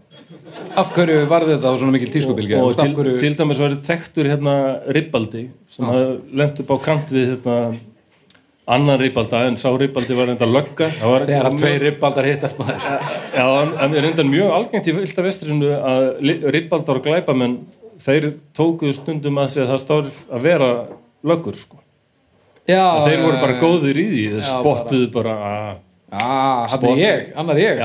Líka og sækja líkan heim sko. Já. og bara kunna meðhandla byssur og bara góðir í þessu. Já, og Wyatt Earp, hann hafði til dæmis verið hvoru tveggja sko, glæbón og svo lögga ok? En, uh, og þessi og þessi lögga bara daginn eftir þeir höfðu rifist, þá gekk hann að þessu manni og skaut hann aftan frá. Og var var það ekkert jafn mikið ves eins og við höldum nei, hann var löggan maður. Sem, sem aður var ekki að líða lögunum þannig að það er alveg eitthvað auðvitað eitthvað sannleikskort til í þetta hafi verið svona já, dodgy en alls ekki eins og við höldum mörg. Skilji þannig að innvíð 99% tilbúning, tilbúningur. Ok, það er eitt dýr sem var í vilda vestrinu sem sést aldrei í kúrekamyndum en það væri líka mjög fyndið að sjá það. Býttu, býttu ennþá fyndnara að sjá kúreka á úlvalda nei, Jú, 1855 þá voru mörg þúsund úlvaldar fluttir til bandaríkjana þegar það var mikið eðimörk hérna og úlvaldar og góðir eðimörk og frábært dýr og bara geta verið þurfa vatn miklu minna heldur en hestar og mörgu leiti fullan duglegri dýr heldur en hestar sko. já, og þetta gekk misvel en sumir þeirra sluppu og lifðu vildir í Texas og Arizona langt fram á 2000-öld ha? Já, hvað kom hvað kom fyrir stofnin síðan? Það er ennþá til fólk sem sver og sártu leggur að það hefði verið að keira í gefnu Nýju Mexiko þá sá ég vilt að er ennþá til fólk sem heldur því fram að þeir séu ennþá til en það telja nú flestir að þeir séu nú útöðir ok úlvaldar eru astnalegir sko. En, Já, en þeir eru vist mjög duglegir í já, ákveðin verk og og þegar er verið að pyrra þeir þá verða þeir mjög pyrraðir Já, mér skilst það. Já. Ég skítrættu þau. Fóð til Marokko og ég ætlaði að fara úlvalda og hann leit bara á mig og frussaði á mig. Og ég bara, nei, ekki í dag get ég fengið hest í staðinn? Og ég fekk hest sem var, náði hérna upp í þetta loft hérna. já, íslenski hesturinn er ekki Nei, hann- hann, er- hestur sko hann ekki drepa mig, ef það er hestafólk hérna, ekki drepa mig en hann er, hann er svona, ekki horfa svona á mig ég var hann er alveg hestur, hann er bara Smáðustur, takk Ég held við höfum samt tekið það fram í þættinum okkar um mongóla, að mongólski hesturinn sem var bara lagði undir sig hálfa jörðina. sem getur tölt, spæðu við Já, já. Mongólar þurfa að chilla eins og aðrir. Já, já. á ferðinni Já, já. En, en að, hann, er jættal minni en íslenski hesturinn. Já, Já, hann hafa við það. Margur knár þótt hann sé smár. já Hvað segir við? Þar höfum við það, það vantar úlvalda, en það vantar mexikana og svarta og það vantar að sjálfsögðu líka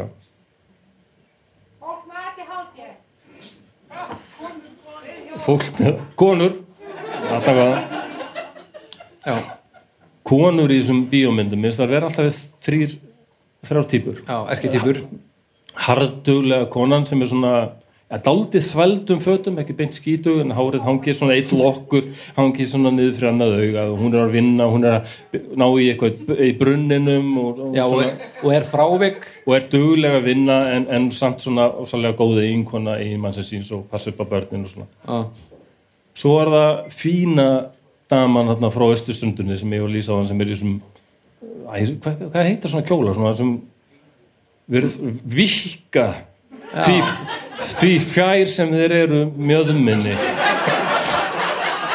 ég veit ekki mikið um kjóla Ertu, ertu fatahörnur? já en nánast eins og þessar konur hafi sett á sig gjörð sem ég heldur endur að þær hafi gert gjörð sem bara Já, já, þannig að sem ítti þessum kjólum frá ekki veit ég af hverju en þetta er já góða töf. Já, svo típa. Já. Fína svona aristokratía daman Já, að evróskri fyrirmynd. Já, Og svo náttúrulega þarf ekki að nefna þriðu típuna. Það vita allir hvað það er og það, það er hóran. Um, sem, og af þessum, já, þetta, það er þetta sem sést í í bandariskum vestrum. Já, Ótrúlega mikið alltaf það eru hórur í öllum bæðum. En það var ekkit endilega þannig. nei og ég meir þess að rakst á einhver skrif sem er ekkit ros æ, nú klúðraði þessu ég þúri Þetta er alltaf leið sem, ok, sem einhvern veginn tengist í þetta er ekki, ömuleg starf og allt það. Ertu en Hvernig gengur þér að koma þér ekki í, í ógöngur? en samt tengist einhverju frelsi. Ok. Já að þær réður sér aldrei sjálfar meira heldur en margar aðra konur Já, menna, já, já, ég skilji, já Ok Þú gerir þetta miklu verð en það þurft að vera Já, ég, ég er svo hrættur við þetta. Já, já, Þú er svo gamall maður. Þú ert með hjarta á réttum stað og þú ert að gera þetta besta og Tíminn- það skiptir mestumáli Tíminn breytist, það má ekki segja mongolítið. Nei,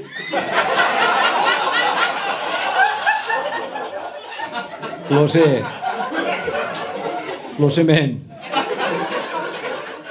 Reyna meira Ef við að taka pása.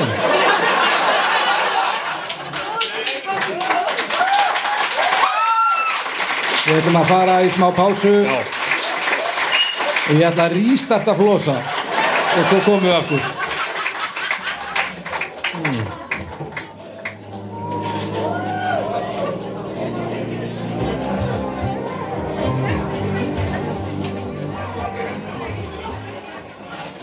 Jæja. Það segi ég Allir búin að pissa? Allir konum með eitthvað að drekka? Mjög gott. Þá höldum við áfram með þetta verkefni sem endar aldrei. Uh, Og þið, hérna, við náttúrulega tekkum ekkert á því fyrir núna. Heyrðu allir það sem gerðist fyrir hlje? Eru þið bara búin að sitja hérna í myrkrinu bara eitthvað? Já, já, við tökum þetta bara aftur, orð fyrir orð. Ekkert mál. Já, horf á streymið nákvæmlega. Herja, við ætlum að byrja þetta Já, aftur. skulum bara keiri þetta aldrei í gang, sko. Ójú, Um, já, ég er þegar búin að koma því að, hérna, að þetta hví, hvítvegið svo mikið. Alltaf hvítir menn, Já. bara einfaldar típur af konum, í, í, en þetta var ekki þannig eins og ég hef sagt, það voru margir Mexikanar svartir. Og konur þær taka, hafa nú tekið sér ímislegt fyrir hendur sko. Og sumar þeirra eru bara ekkit, konur eru bara eins og menn algjöru fávitar.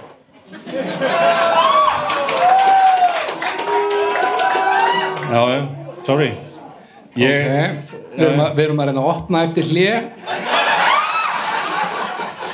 Já, svona sum, sumarkonur alveg eins og sumir karlmenn. Það er bara eins og sumir allir.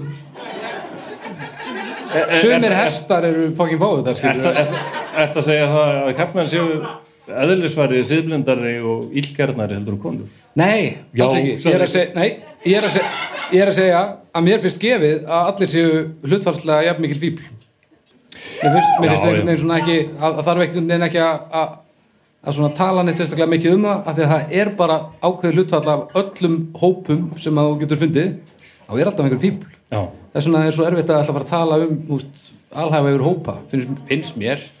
Og það er ótrúlega skrítið að tala eins og ég ger í hlaðvarpinu nema nú er alltaf að horfa á mig af því að nú er ég bara svona að býða eftir glasinu sem aldrei kemur í tökum þetta er ljómandi þetta er ljómandi. Já, ég er náttúrulega af annari kynslu sko Já, já, já, ég man að ökukennari minn þegar ég var 17 ára, hann sagði bara þetta er mjög einfald flósi minn. Þú ert alltaf að ímynda þér að allir hinnir bílarnir þar sé brjálaðingur við stýrið. Þetta hefur svínvirkað. Já. og ekki haft nein áhrif á kvíðaðin En svo getum við líka tekið náttúrulega sænsku aðferðina af hverju er eitthvað að heg- hegða sér og svo fáviti. Kannski er eitthvað að heima hjá honum. eh, eh, Af hverju á þetta segja þetta með þessari uppeldi, eða- kannski bara eitthvað að heima þeim ég held að þetta sé alveg alvöru dót sko. Það tala allir félagsáðgjafa svona. Já, ég ég, það getur nú vel verið. ég gerir mig grein fyrir ég get ekki reyfist við um að hvernig félagsrákjör að tala það, það, er, það, sko, er með, það, það var til dæmis hérna, frægur útlægi sem ég heiti Pearl Heart. Ég vil þetta töff nafn. Pearl Heart. Pearl Heart. Og hún var kona. Og hérna virkilegur töffæri mér langar eiginlega bara að vera með sér þátt um konur í viltu vestrinu Já, það er að bara að, ekki, að nú, taka. ekki núna, sant, sko. Setna en hún, hún sagði eitt af þeim fjölmörgu skiptu sem hún var tekin först og var spurða því okkur væri svona mikill glæpon og hún bara, hvað er ég glæpon út af því ég kýs að fylgja ekki lögum sem karlmenn hafa samið fyrir aðra karlmenn?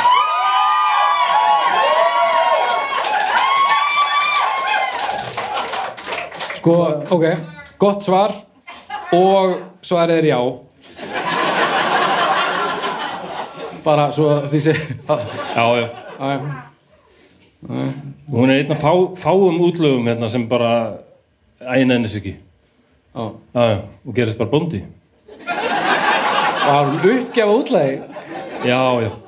Já, En það er líka áhugavert að nefna að fyrstu fylkin í bandaríkjunum sem veittu konum kostningarétt, það voru, það var vilt að vestrið. Það var þarna í vestrinu. Sko. já, já. Af því að það er mjög gott fyrir karlmenn að fá tækifæri til að sjá hvað konur geta. Það er ekkit flóknar en það. Herðu, hún getur bara unnið eins og karlmaður. já, já, já, þú þarft að fá staðfestingu á því Það sé leifin að kjósa bara. Nei, ekki rólegur sko. Þeir þurfa að fá staðfestingu á því að, þeir, að þær séu ekki ónýtjungar eh, til þess að Það meta þeirra verðleikum. samkvæmt þessu því að þannig að á, á þessum slóðum og þetta byggja sveitabæ og verjast við frumbyggja eða eitthvað og, og slastu ill viðri og bara það þarft að gangi þá þurftu konur að ganga bara í öll störf. Já, já, bara þetta er alltaf sama saman já, já. gerðist líki setni heimsturöldinni hei, þær geta bara búið til tundurskeiti um ekki að leifa þeim að kjósa? Nei. Ertu brjálaður Þetta skrítið samtalur. Já, en að, og, og konur náttúrulega fengi ekki kostningar eftir að þegar talið að þær væru með svo göttóttan heila og þær gæti ekki sko það, það var svo auðvelt að fá þar sitt band, það kemur bara einhver sæt og góður og segir, nei, kjósa mig. Þá kjósaðar hann bara. Hann það bara gengur ekki en þeir megi alveg búið til tunduskeiti það er alltaf það er ekkert hættulegt hitt er hættulegt samfélaginu þetta er bara rökkrið. all right. Um, ég, við ætlum að fara alltaf hrætt yfir sögu þannig að við ætlum að taka bara hreinlæti í vilda vestrinu og ég veit ekki okkur ég var að segja með þessar rödd það er líklega bara Nei. Þetta var fullt sensual fyrir drulluga drulluga skrokka. Einhverja. kannski er ég búin að sitja einn of lengi núna í kvöld og er farin að eins og gerist með útvarsmenn og svona þeir fara að elska sína eigin rödd og beitin er rosalega óeðlilega já, já. en Baldur við skulum halda áfram með þetta já og þunglindi flósi komin aftur. Bara please, please, komdu aftur. All right. Kæra depurð, aldrei fara. Já, Vilda vestrið var ógeðslegt.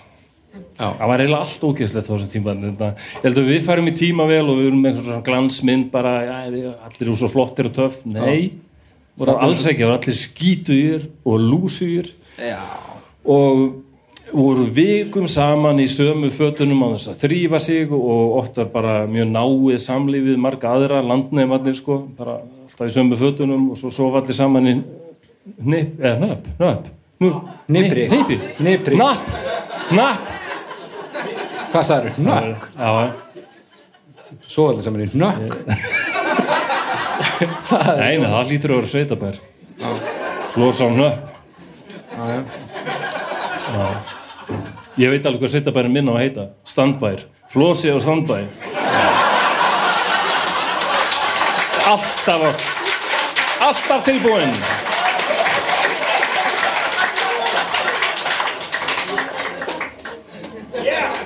það er gott að sofa yfir sig á standbæ.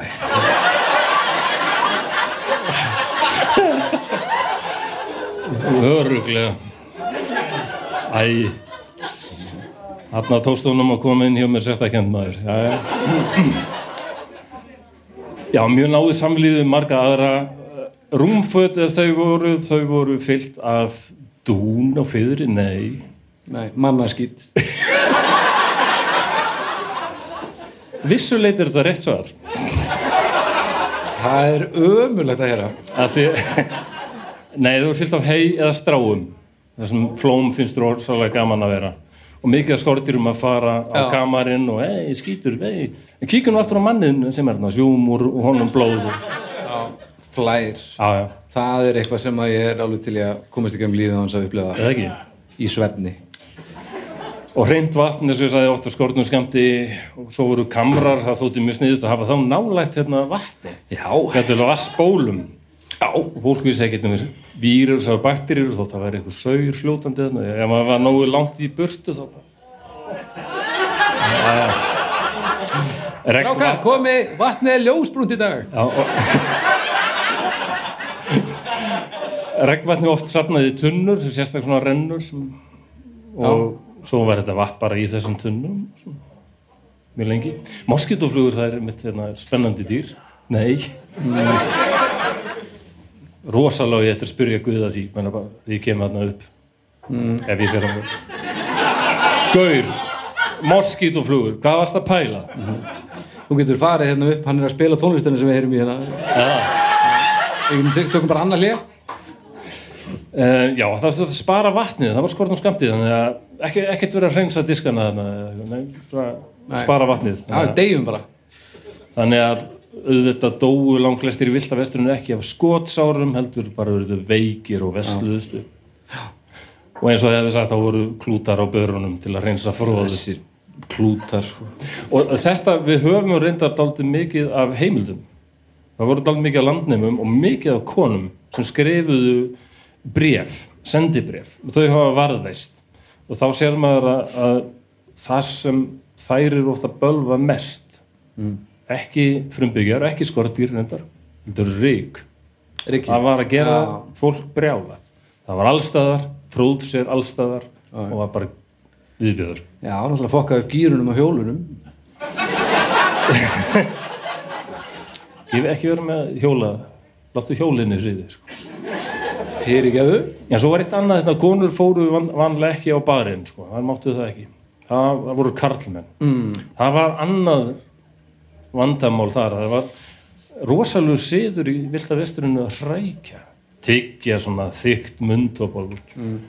hrækja bara gólfið, sko. já, já, já, Og pældi því að þessi, þessi saloons, þetta var leikt ef fólkum, vera að ferða fólk, mm. og bæðum, löst herbyggi, nei, þið getur bara sofið á gólfinu, já, í buslu lögin hérna íta hrákanum burtu. nákvæmlega. í, já, að þannig virkar Já, hann og þetta, maður þetta tekur hann svona, maður, maður færir hann svona.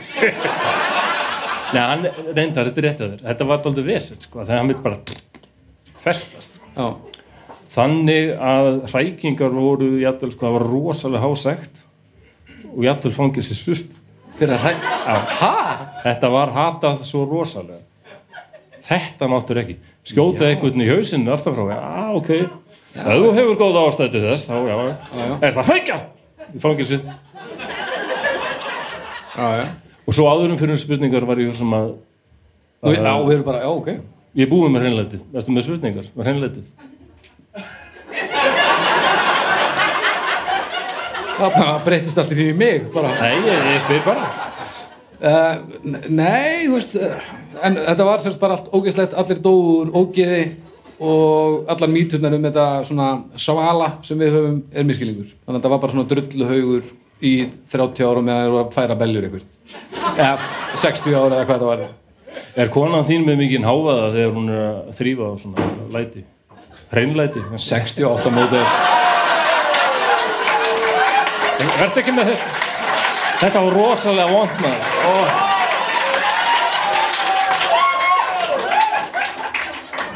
Þú getur notað þetta. Ég er ekki með neina læti, ég er bara að þrýfa Já, hreinlæti. Ég einhvern veginn veit ég að þú myndi ekki gera það. Hvernig, hvernig hérna hvað segir, skildu þið eða? Já, ok.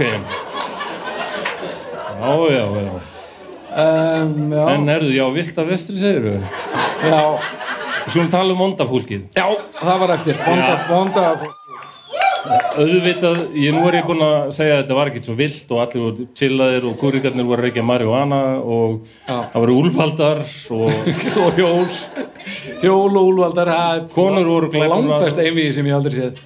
Á, konur gáðu eru glæbónar og kúrikar líka. Já, Þannig að, en samt, nei ekki beintengi, örgulega ekki. Eðna, já, frelsistengi. Ok, en hérna, vonda fólkið já, vonda fólki naut sín samt ágætlega á tímabili þegar það gæti bara ráfað um og það var ekkert svona skipulagt ríkisvald eða lögregla. Uh, Billy the Kid, rosalega frægur, útlægi, erfiðu drengur, örgulega farið á erfiður drengur, Hann þannig bara- töluðu um hann hann eftir tæm líka. Djöfull er hann erfiður. Í dag hefur hann bara verið sett, settur á já, hann hefur bara verið sendur til sálfræðis 12 ára og hvað hættur við að Fengið- segja að hann væri settur á að þá hefur Já. verið að líka mér við billiði kid? Nei, ég bara var alveg að fara að koma að því. Já, ok. Og hann hefði sem sagt ekki verið búinn að drepa 21 mann árið, eða sko, þegar hann var 21 árs sjálfur. Hann var mikið því að skjóta fólk sko. var hann ekki bara með OCD, þú veist alltaf að drepa einn á ári Jó, ekki hann hefur verið gerðar róðalegri hetju en, en hann virðist bara að hafa verið svona lost kid eitthvað sem með byssu. Nákvæmlega. Hann verið skóður með byssu. Svo er hérna eh, skemmtilega nöfn sem þeir hafa margir hérna. John Jeremiah Garrison Johnston ha, var það einn? já, þetta er bara já, þetta ljóma- þetta? þetta ljóma eins og vinahópu sko. John Jeremiah Garrison og Johnston Jeremiah og Garrison og, og hann Johnson var náttúrulega ekki kallaður hann var náttúrulega ekki kallaður þetta. Hann var kallaður Liver Eating Johnson. Var ástæða fyrir því að bara svalur? Sem sagt lifur átu nonni ég, ég, ég skildi því sko. Já sagan segir að nonni lifur að, kona hans verið myrt af kró-indjónum eða frumbyggjum Þarna, og hann svaraði með því að drepa 300 frumbyggja, skaraði þeim höfuðleðrið og át úr þeim lifurina. Þess að var hann kallaður Liver Eating Johnson. Þetta gæti verið íkjur. Ég meina, hann lítur að maður má ekki innbyrja svona mikið að járni í einu? En þetta var eitthvað, sagan segir líka frumbyggjum þótti sérstaklega vond að fara til ekki himna heldur Já. lendurnar miklu Já. yfir móðunum miklu og vera ekki með lifur. Það var eitthvað mjög nöðsynlegt, ég veit ekki alveg okkur bara, Já, þannig að þetta var bara svona 100% algjört dickmove hjá honum. Já, Það, var, það var það, þetta var dykkum Ok, En þegar ég var í Georgíu fylki einu sinni, þá kom ég í listigarð og þar var mynd af einhverjum frumbyggja, mann ekki hvað hétt ok. Og aðeins um hann hann, hann var sagt, hann hefði verið drepinn þarna þessum stað. Já, þetta er alveg hver- hvert sem ferði í bandaríkunum já, þessi var drepinn hér, slóðust þessi alltaf, alltaf skilti um það. Ekki skrítið að þeir dyrki ofbeldi sko. en hérna þessi frumbyggi, hann hafði unnið með hvíta fólki hinnu, gegn frumbyggjum mm. hann var ekki vinsall með að sinna Nei. og þeir höfðu náð honum og hérna skorið af honum alla útlimi og höfuðið og svo hérna sem nú Og svo, hvað mennur Er ekki bara Er ekki bara komið gott ja, eða? ég var alla, alla útlimi bara, Ok, jú, jú, jú, alla útlimi en, en það er ekki aðalmálið heldur það að síðan var bara nokkrir sem bara fóru á hessbakk og hver með sinn hluta og reyðu bara 100 km burtu frá þessum stað og svo voru þeir grafnir langt frá hvora öðrum. Því að þá mun andi hans aldrei geta samennast og verður alltaf týndur og, og voðalegur. Þetta er að versta sem getur gert við frumbyggja já. Grafa hann í hlutum. Og samhæfingin alveg farin Þetta er rosalegt maður er það? eða ertu bara að segja þetta svona Nei, ég er að meina bara þetta er bara svo mikil vinna til að gera það versta sem einhver Já, getur já. mögulega ímyndað sér sko. Já, þetta er bara með fólk sem ólíð þér trúið því að það sé eitthvað meira til en við sjáum hér akkurat núna. Já, En það er náttúrulega til litir sem við sjáum ekki, hljóð sem við heyrum ekki og, og fí ætti þá ekki að vera til. Gugu. Hvaða litir eru til sem þú sér ekki? Sérðu? Ég veit það ekki, ég aldrei séð það. Ég, þeir eru til það er til, kettir séð það. Ástæðan fyrir því kettir eru alltaf, Það er það er, er það því að liturinn sem við sjáum ekki Já, þeir eru bara að sjá eitthvað, eitthvað svona últra svísískan lit, ég veit ekki hvað hann heitir af því hann er ekki til fyrir mér sem er bara eitthvað Ég skil við erum svo kettir líka þeir eru mjög nærsýnir, þeir sjá ekkit vel nema þeir komið mjög nálægt sjá vel í myrkri. En ástæðan fyrir því að þeir eru svona maður heilsaði þegar maður kemur heim sko, þeir eru svona tvekja metrar fjallað, blessa og þeir bara, Þú átt ekki kött sko. ég, ég hef alveg átt gott sko, Ok, og mér langar rosalega í gott ok það er út af þegar þeir sjá ekki neitt. Það er að sjá bara eitthvað, hvað er að gerast þannig bara eins og ég í fótbolta ég var 14 ára. Hvað er, hvað er að gerast þannig Þannig að kettir, þeir eru blindir. kemur bara eitthvað Þannig að kettir sjá ekki neitt nema liti sem eru til sem er ekki til fyrir þér. Nema þeir sé að sjá eitthvað annað. Það er náttúrulega til dæmið um herbergi þar sem fólk hefur dáið á vovefulegan máta tekið sitt eigi lífi eða kannski verið ráðin bani að kettir vil ekki fara inn í þetta herbergi Nei. og, og, Nei, þeir sjá þig ekki en þeir sjá náttúrulega þeir, þeir, þeir, þeir bara finna þessu neikvæðu orku sem er þarna baldur því að þetta er ekki nema orka, við erum bara orku verur skilur. Upplifir þú ketti sem svona næmnar tilfinningaverur? Þeim er, þeim er jafn sama um allt nema hluti sem þarf að henda niður og kannilega einhverja liti sem er ekki til. Já já ok, við erum alveg búið um, svo var hérna gott dæmi um alveg ferlegan gaur er James Miller sem alltaf með flottur, það er til myndir af þessu liði með þess að James Miller er mjög flottur í tauginu og hérna með hardkúlu hatt en ekki kúrigat því að ég glemt að segja það áðan en ástæðan fyrir því ég bara rak upp öskur og nei, ekki segja mér þessi satt Já. kúregar voru yfirleitt ekki með kúrega hatt það er ræðilegt sko Hvað voru við bara með hú? hardkúlu hatt Nei svona bowler hatt Svona- Flestir já. bara Það er alltaf svona- höfuð Í vesturinn þá er alltaf svona skrýtni Já, það kemur, koma 30 metrar á sekund af vindi, þá var auðvitað að hafa þá. Ég, ég vil ekki trúa þessu, ég bara, þetta eðiligur allt fyrir mér. Já, Ég vil ekki sjá þetta. Nei En Djöfum, James væri Smith- þú asnalegu með gúlu Bara ekki Sama hvað verður afsannað Alltaf verður með gúrikahatt, please Já, þetta, þessir hattar sjást mjög ofta á ljósmyndum frá þessum tíma. Sko. Já. Það er því miður líklega eitthvað til í þessu já, já. James Miller var náttúrulega, hann var dráparið, þannig að hann var náttúrulega kallaður Killer Miller. Rím Og Elsku rýmið í viltavestrinu fólk treysti honum svo vel, hann drakk ekki, reykt ekki og ná, talaði kom vel fyrir, svo skautaði þeim bara í hausinn og tók penninguna þér. Með kúluhatt. En að hann með hardkúluhatt Harkúluhatt, Já, fyrir ekki. og, og, og, Livkúluhatt eins og og, bindi, og bindi sko. Og bindi. Og hann líka eins og margir af þessum glæpunum vann sem lögga um tíð. Já, hvernig fólk komst að því að hann var ekkit þú að góðu lögga svo er hérna eitt sem heit Stephen D. Richards. Ok. Eða Nebraska óvætturinn eins og ég vil kalla hann. Segðu mér Flósi, þetta er af ekki hverju vilt þú kalla Nebraska Af því að hann kallaður the Nebraska Fiend. Ok. Nebraska óvætturinn. Ég, er, ég var að segja þetta Rauða serían. Íslenska er flott Íslenska er flott mál en þegar kemur að þessu þá að, þýðingin er ekki alveg Nei, Stephen D. Richards er, ég held margir af þessum hafi verið bara raðmörðingar. Ég oft pælt í því sko hvað með raðmörðingar hérna áður fyrr. Urðu raðmörðingar bara til á sjönda áratögnum þegar Zodiac Killer byrjar hérna 60 og, eða við um tala um Charles Whitman þegar hann fór upp í turn og skaut.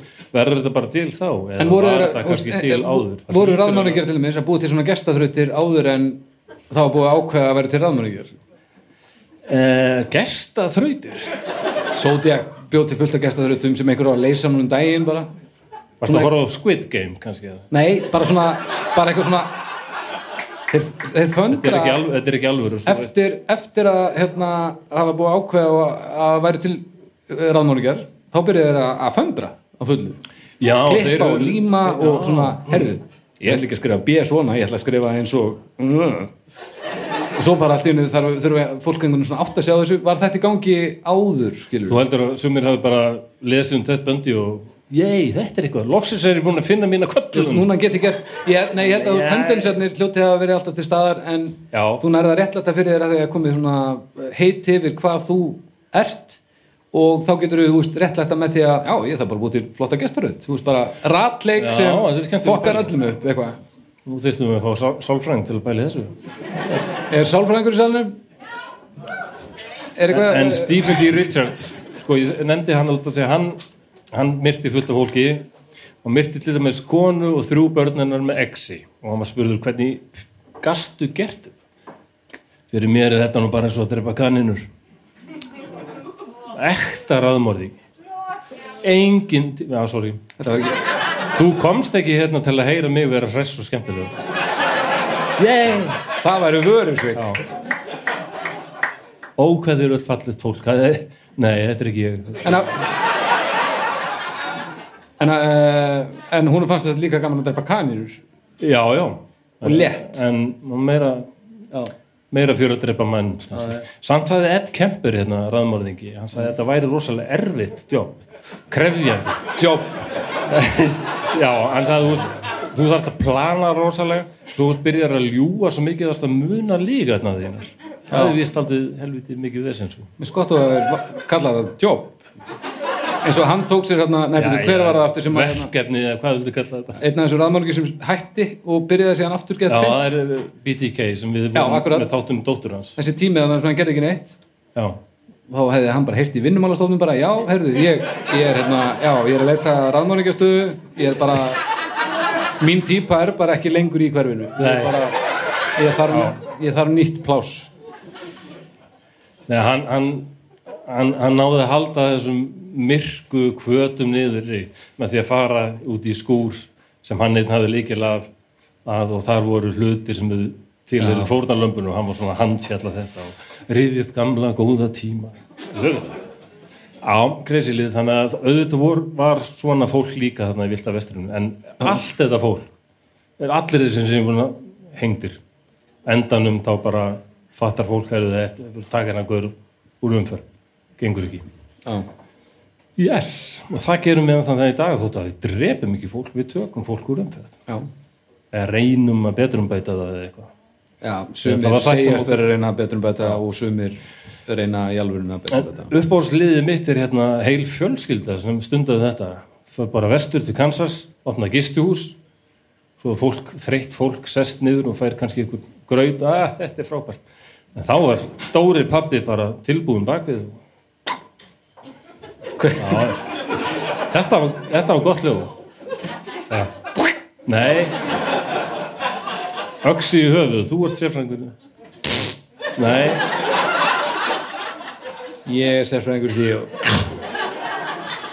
var sérst fjölskylda sem að fekk til sín Já. fólki í gistingu. Já, og bara drap þau, rændi þau og líking grafin og þetta Hvenær? gerðu við svona 30-40 manns. Hvena var þetta? Þetta er Fyrir TripAdvisor, þetta er þetta 870 fyrir hvað? TripAdvisor var ekki komið. Þetta, þetta er aðeins fyrir það já, uh, jú, hefði verið til að vera með þeirri sakfræði og sjá bara svipin á kennurunum. Á TripAdvisor já, já, já. Já, og svo bara en svo náttúrulega gerist það bara en svo með axlarbjörn og svona það er eitt sem sleppur. Já, og svo kemur fólk bara og, og, eitt, og eitt krakkin líka sko nei, nú er ég að segja lífi, hann slapp en það slapp út af því eitt krakkin talaði af sér.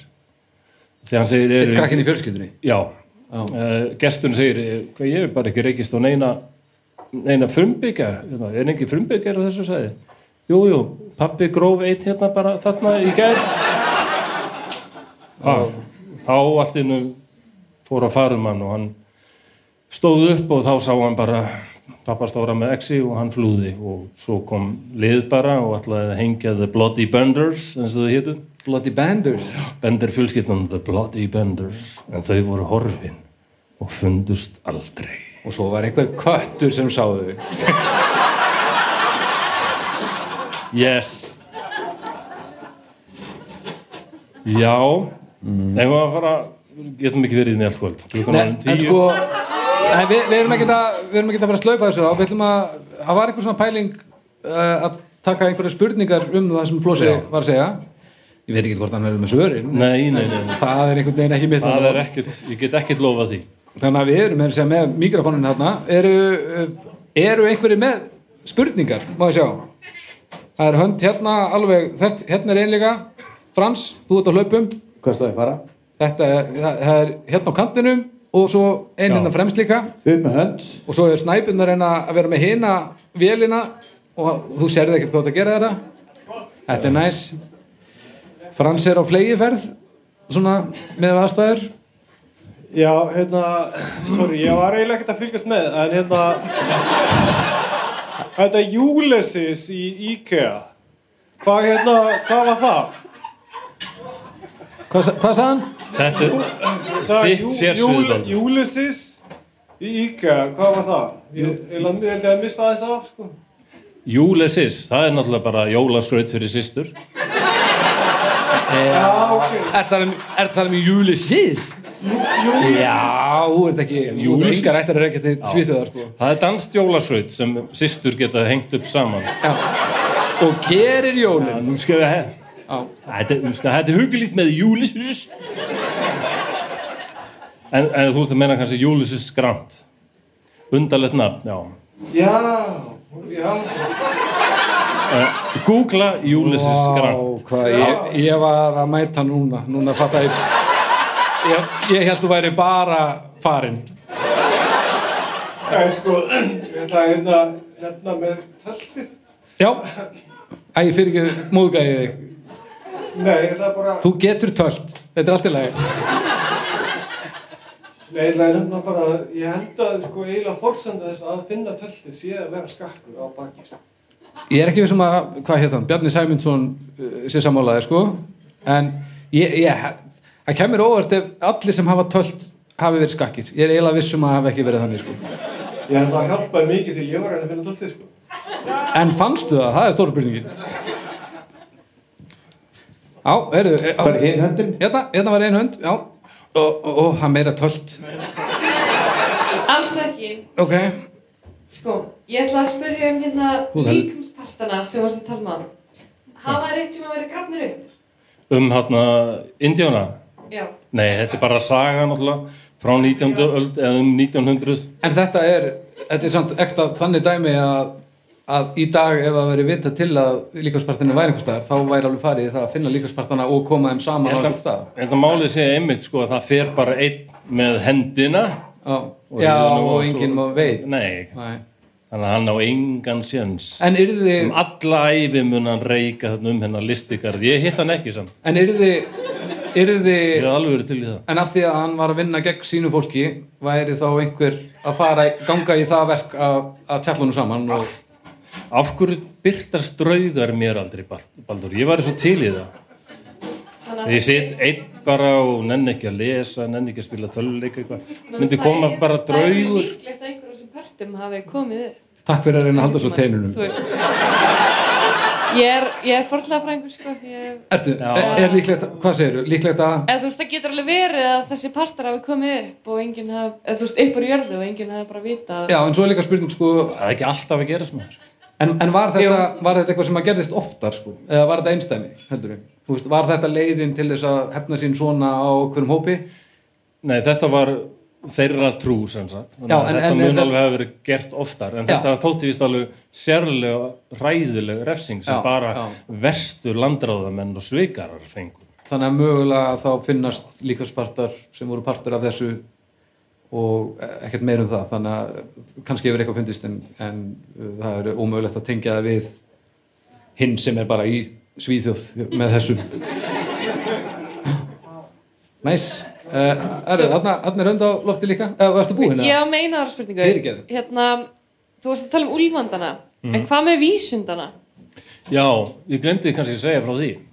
Að því að það voru nokkur miljón vísundar í bandaríkjunum árið 1900, nei árið 1800 en þeim fækkaði alveg rosalega og ástæðan fyrir því er aðalega svo að einmitt hérna, William Sherman og fleiri útsendara stjórnvalda drápuð á systematist af því að frumbyggjarnir treystur svo mikið á vísundana, þeir notuðu allt. Mm. sagt er einhvern tímann hafi maður verið ferð og, og hitti frumbyggja og þeir síndur um einhverjum svona tótu eða sepa Sjáðu þetta? Já, þetta er aðeinslegt. Þetta er eina sem við notum ekki af vísindunum. Það er eitt svona sepið hendur honum allt hitt nýtt. Þannig að það, það skemmdi mjög fyrir þeim að Þetta var partur, partur að því að skilja við landi þannig að það veri ekki sens að halda áfram Nei, og svo föttuður það að inn, neð, frumbyggjarnir voru ennþá á 19. öld veikari fyrir mislingum og Já. chicken pox, hvað er það fyrir íslensku? Kjúklinga hlaupabóla er og hún er ógeðslega, ég fengi þannig Já. Já, hlaupabóla mislingar þetta, þetta var gætt farið illa með hvíta fólkið en þetta var bara hreitn og beitt örugur stöðdegi fyrir frumbyggjana sko. þannig að það var svona taldið stöð að finna samt fólk sem var veikt og vefjaði þeim í teppi og ha- halda upp á teppið og, og senda það í stórum stíl til miklu og það er um þess að mögulegt hreinlega að þetta hefði verið stundað sko. svona þess að efna herrferð veitir það ekki?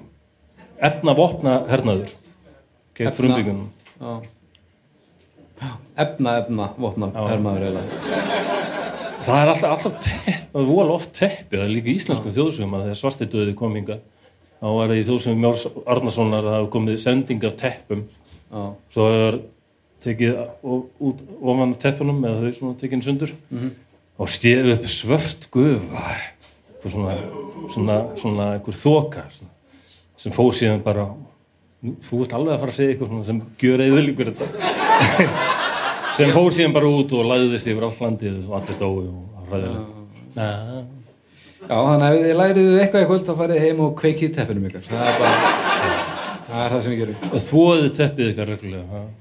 Ertu með, já, þarna, og svo er einn þarna líka en vi- vi- einn í einu, er það ekki svona það sem fólk gerir? Það varði mig ekkert um. En hvað varðar blessaða frumbyggjan og að búta fólki sundur, þá er ég möguleg með skýringu. Mm. Ok, er hún, er, er hún upplýst einhver leiti eða, eða ert að gera þetta eins og ég? Nei, Ok, nei, ég gerir voða fátt líkt þér. næs En uh, það hefur að gera með það að það er mjög algengt í þjótu á blessaðum frumbyggjum Já, er fyrirbæri sem kallast vendigó Mm.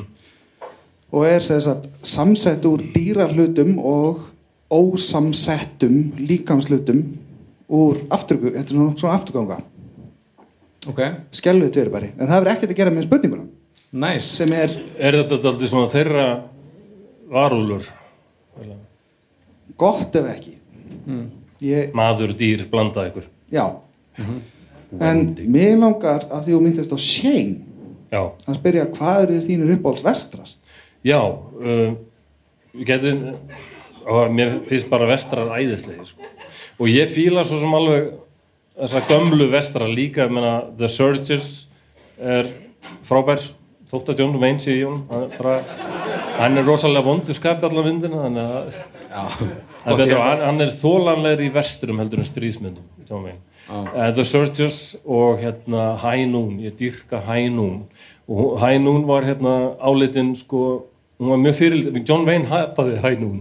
Það er þess vegna sem ég fíla hann en hún er sem sagt um skerfara sheriff sem hérna veit að það eru glæpamenn að koma í bæinn til að drepa hann. Og hann leitar liðsinnis bæjarbúa og fær hvergi hjálp.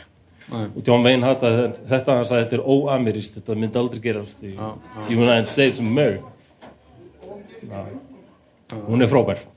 Og fyrsta andlitið sem sést í hérna fyrsta andlitið sem sést í hérna Hænún það er mjög flott andlit og það er maður sem sagði aldrei neitt í vestrum.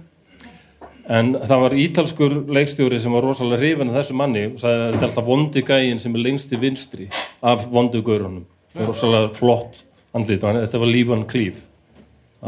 Sem er varð frægur setna í ítölsku spagetti vestrum. Ég dýrka líka ítölsku spagetti vestrum sko. það er bara allt annað dæmi. Svo ég svar West by, by, by far. Bara, Absolutt. Wild Wild West. Já, já, hún, er, ve- hún veistla hún er raunverulega veistla fyrir öll skilningavitt er hún, er, er hún ekki raunverulega því leiti að það- er svartu maður sem er uh, höndla byssu Vissulega, en svo er þetta þetta smá vélmenni um, uh, Já, uh, var ekki það er, það er frægmið um, er- er- mynd sem þykir rosalega raunverulega sem heitir The Culpepper Cattle Company. uh, 72 held ég hún gerð hún er, það var allt innu fyrsta skipti sem maður fer að sjá kúreka bara bandaríska. Og allir skítugir og þetta er svona þetta er miklu raunverulegra sko. og flottara finnst mér. Svo er Wildbands æðislegur, High Plains Drifter Unforgiven er frábær. Og bara you name it sko. og allt, allt eftir Sergio Leone. Næs Þetta Uh, ég var velta fyrir mig hvort þú var til í að tala eins og meir um Ulysses S. Grant já, eh, Þetta er alveg Ulysses Ulysses S. S. S. já, ok Get, Ég veit ekkert um hann sko Nei, hann heitir Ulysses Googliði Ulysses S. Grant, hann var að setna fórseti hann var hersöðugi Já, um, og hann er eiginlega einn af þessum hersöðingin sem vinnur borgarstyrjöldina sem stóð frá 1861 til 1865 Suðuríkin gegn Norðuríkjum. Mm. Bláur gegn Gráum þegar við kannski séð þetta í bíómyndum og það voru sérstaklega þessi tveir, þessi, tveir, þessi þunglindi alki Ulysses Grant og mani og depressífi hérna, brjálaði William Sherman.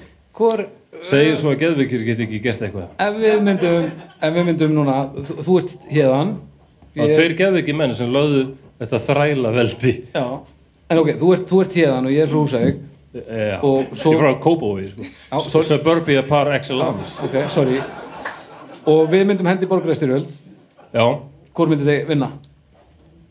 myndi ég taka borgarstyrjöld þið í borgarstyrjöld eða þú myndir, myndir þú taka mig? það er yfirleitt fleiri en tveir sem eru í svoleiðis ég er að tala um samt ég er að tala um hvort það er betri að virkja hópin sko. Ég skal ekki segja, vegna þess að stríð er, það er allt annað allt, allt annað aðra reglur. Mér heyrist að þú myndir ofugsa þetta og ég myndir rústa Þessi tveir, Ulli og Villi þeir voru vonlausir gaurar áður en stríðið bara stúd Já, balli og flolli. Erum báður búin að Við vorum búin að reyna að vera með einhver fyrirtæki að klúðraðist allt sko. og voru bara, svo kemur stríð brillera þessi gaurar. Ég sagði það. Þannig að við þurfum bara að fá eitt stríð til að láta þetta reyna en það fer nú að líða því. Er ekki allir games? Jó, já, nú ætlum við að skipta í lið. Já, já. uh, er Efnahagur Kína mun taka yfir þann bandariska árið 2025 og þá kannski fyrir eitthvað hressilegt að gerast. Við að taka tvær spurningar kannski viðbót og svo er þetta bara í kvöldstundir ekki? Uh, já. Hæ, um, nú ertu búin að vera rosalega duglegur að taka niður allt sem er svona cool við Viltavestrið. Uh, voru einhverjir actually tough þannig? Já, er ég búin að eðilega þetta svona rosalega Eh, þetta voru allt bara einhver, Nei, bara, einhverju þú veist, öllu er lokið. Já, ég er dálítið búin að bara drullar á úlvöldum að deila teppum Ég er dálítið búin að Já Ég er dálítið búin að bræðast með því að tala ekki nógu mikið um konur sko. en hérna, mér langar eiginlega bara að vera með sér þáttum þær sko. já, um, og sérstaklega að það er hérna, eins og ég sagði, þau skrifuðu svo mörg bref já, já, auðvitað var mest að þessu fólki virkilega töff, en hvað er töff? ekki bíómynda töff skítug, en, en þetta er ákveðið hugrekki maður að bara selja allt börn og svo taka bara börn og fá eitt vagn og henda öllum bara um borð og leggja að stað bara þúsundur kilómetra út í, þetta er nánast eins og fara út í game í dag. Við ætlum bara að nema land á Mars nema að þar væru brjálaðir Mars búar sem var ekki trippnir því það er Nei, bara auðveldar að nema land á Mars en sko ég, ég held að þú er meira reyfi niður sko tíman sem svalan tíma en auðvitað hefur verið áhugavert fólk að það Já, en hvað er töff? Það er bara, hver hefur sína skoðun og því hvað er töff? Mér finnst þetta lið vera rosalega töff. Mér finnst þetta ofsalega töff að bara kýla á þetta og fara og vita þetta, þú myndir kannski deyja bara, en það er eitthvað að leita í þetta frelsi líka, sko. Uh, við erum kannski ímynd okkur hvernig, að sjá fyrir okkur hvernig austurströndin var. Hún var meira svona, svona í Evrópu og mikið af þessu fólki var, mikið af þessu fólki sem fór var líka trúað fólk. Þess vegna eru bandaríkjumenn með allar þessar kirkju, presbytarian, uh, allskinn svona kirkjur urðu til af því að það voru söfnuður en það var bara kathólska kirkjan, bara, eða lúterska, bara skipaði frá Evrópu. En þarna var það ekki verið fyrir fólk bara, nei, nú ráðum við sjálf bara hvernig við ætlum að trúa á Guð. Það er líka svo stutt síðan þetta var sko. það, það er líka svo magna það er svo stutt síðan þetta var Já.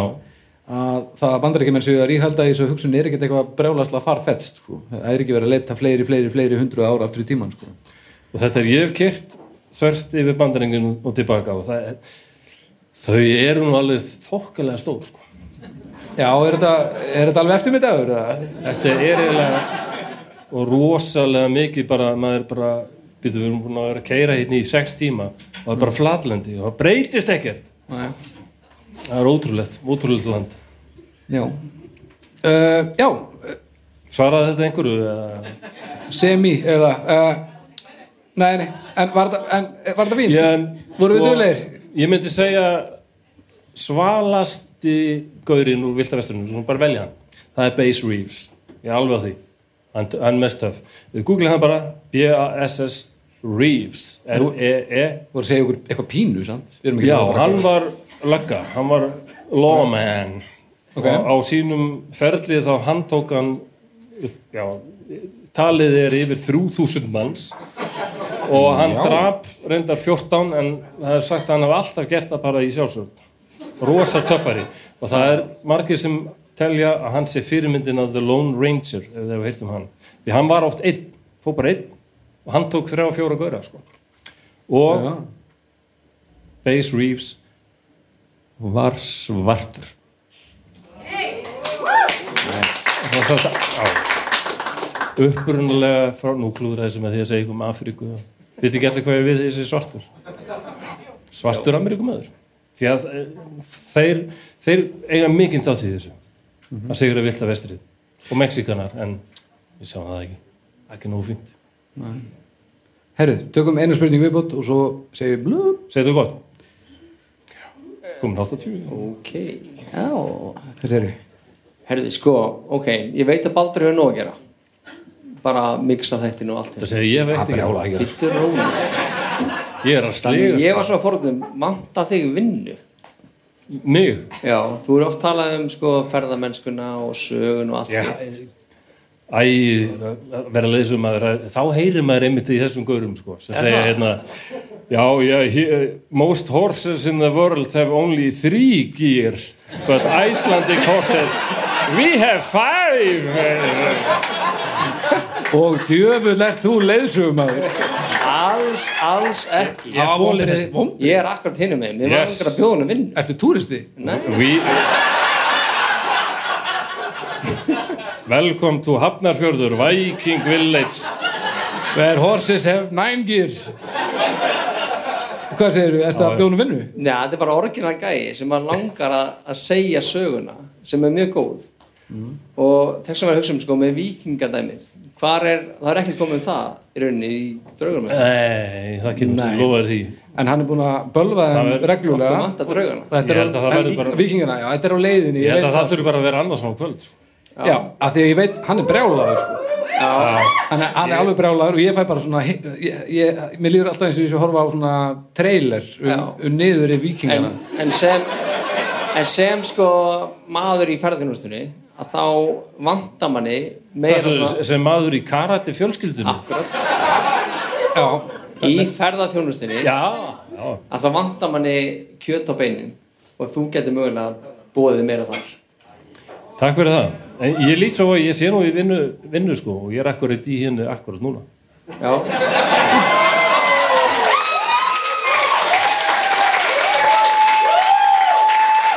En, en takk. Takk hérlega fyrir. uh, takk kærlega fyrir að koma.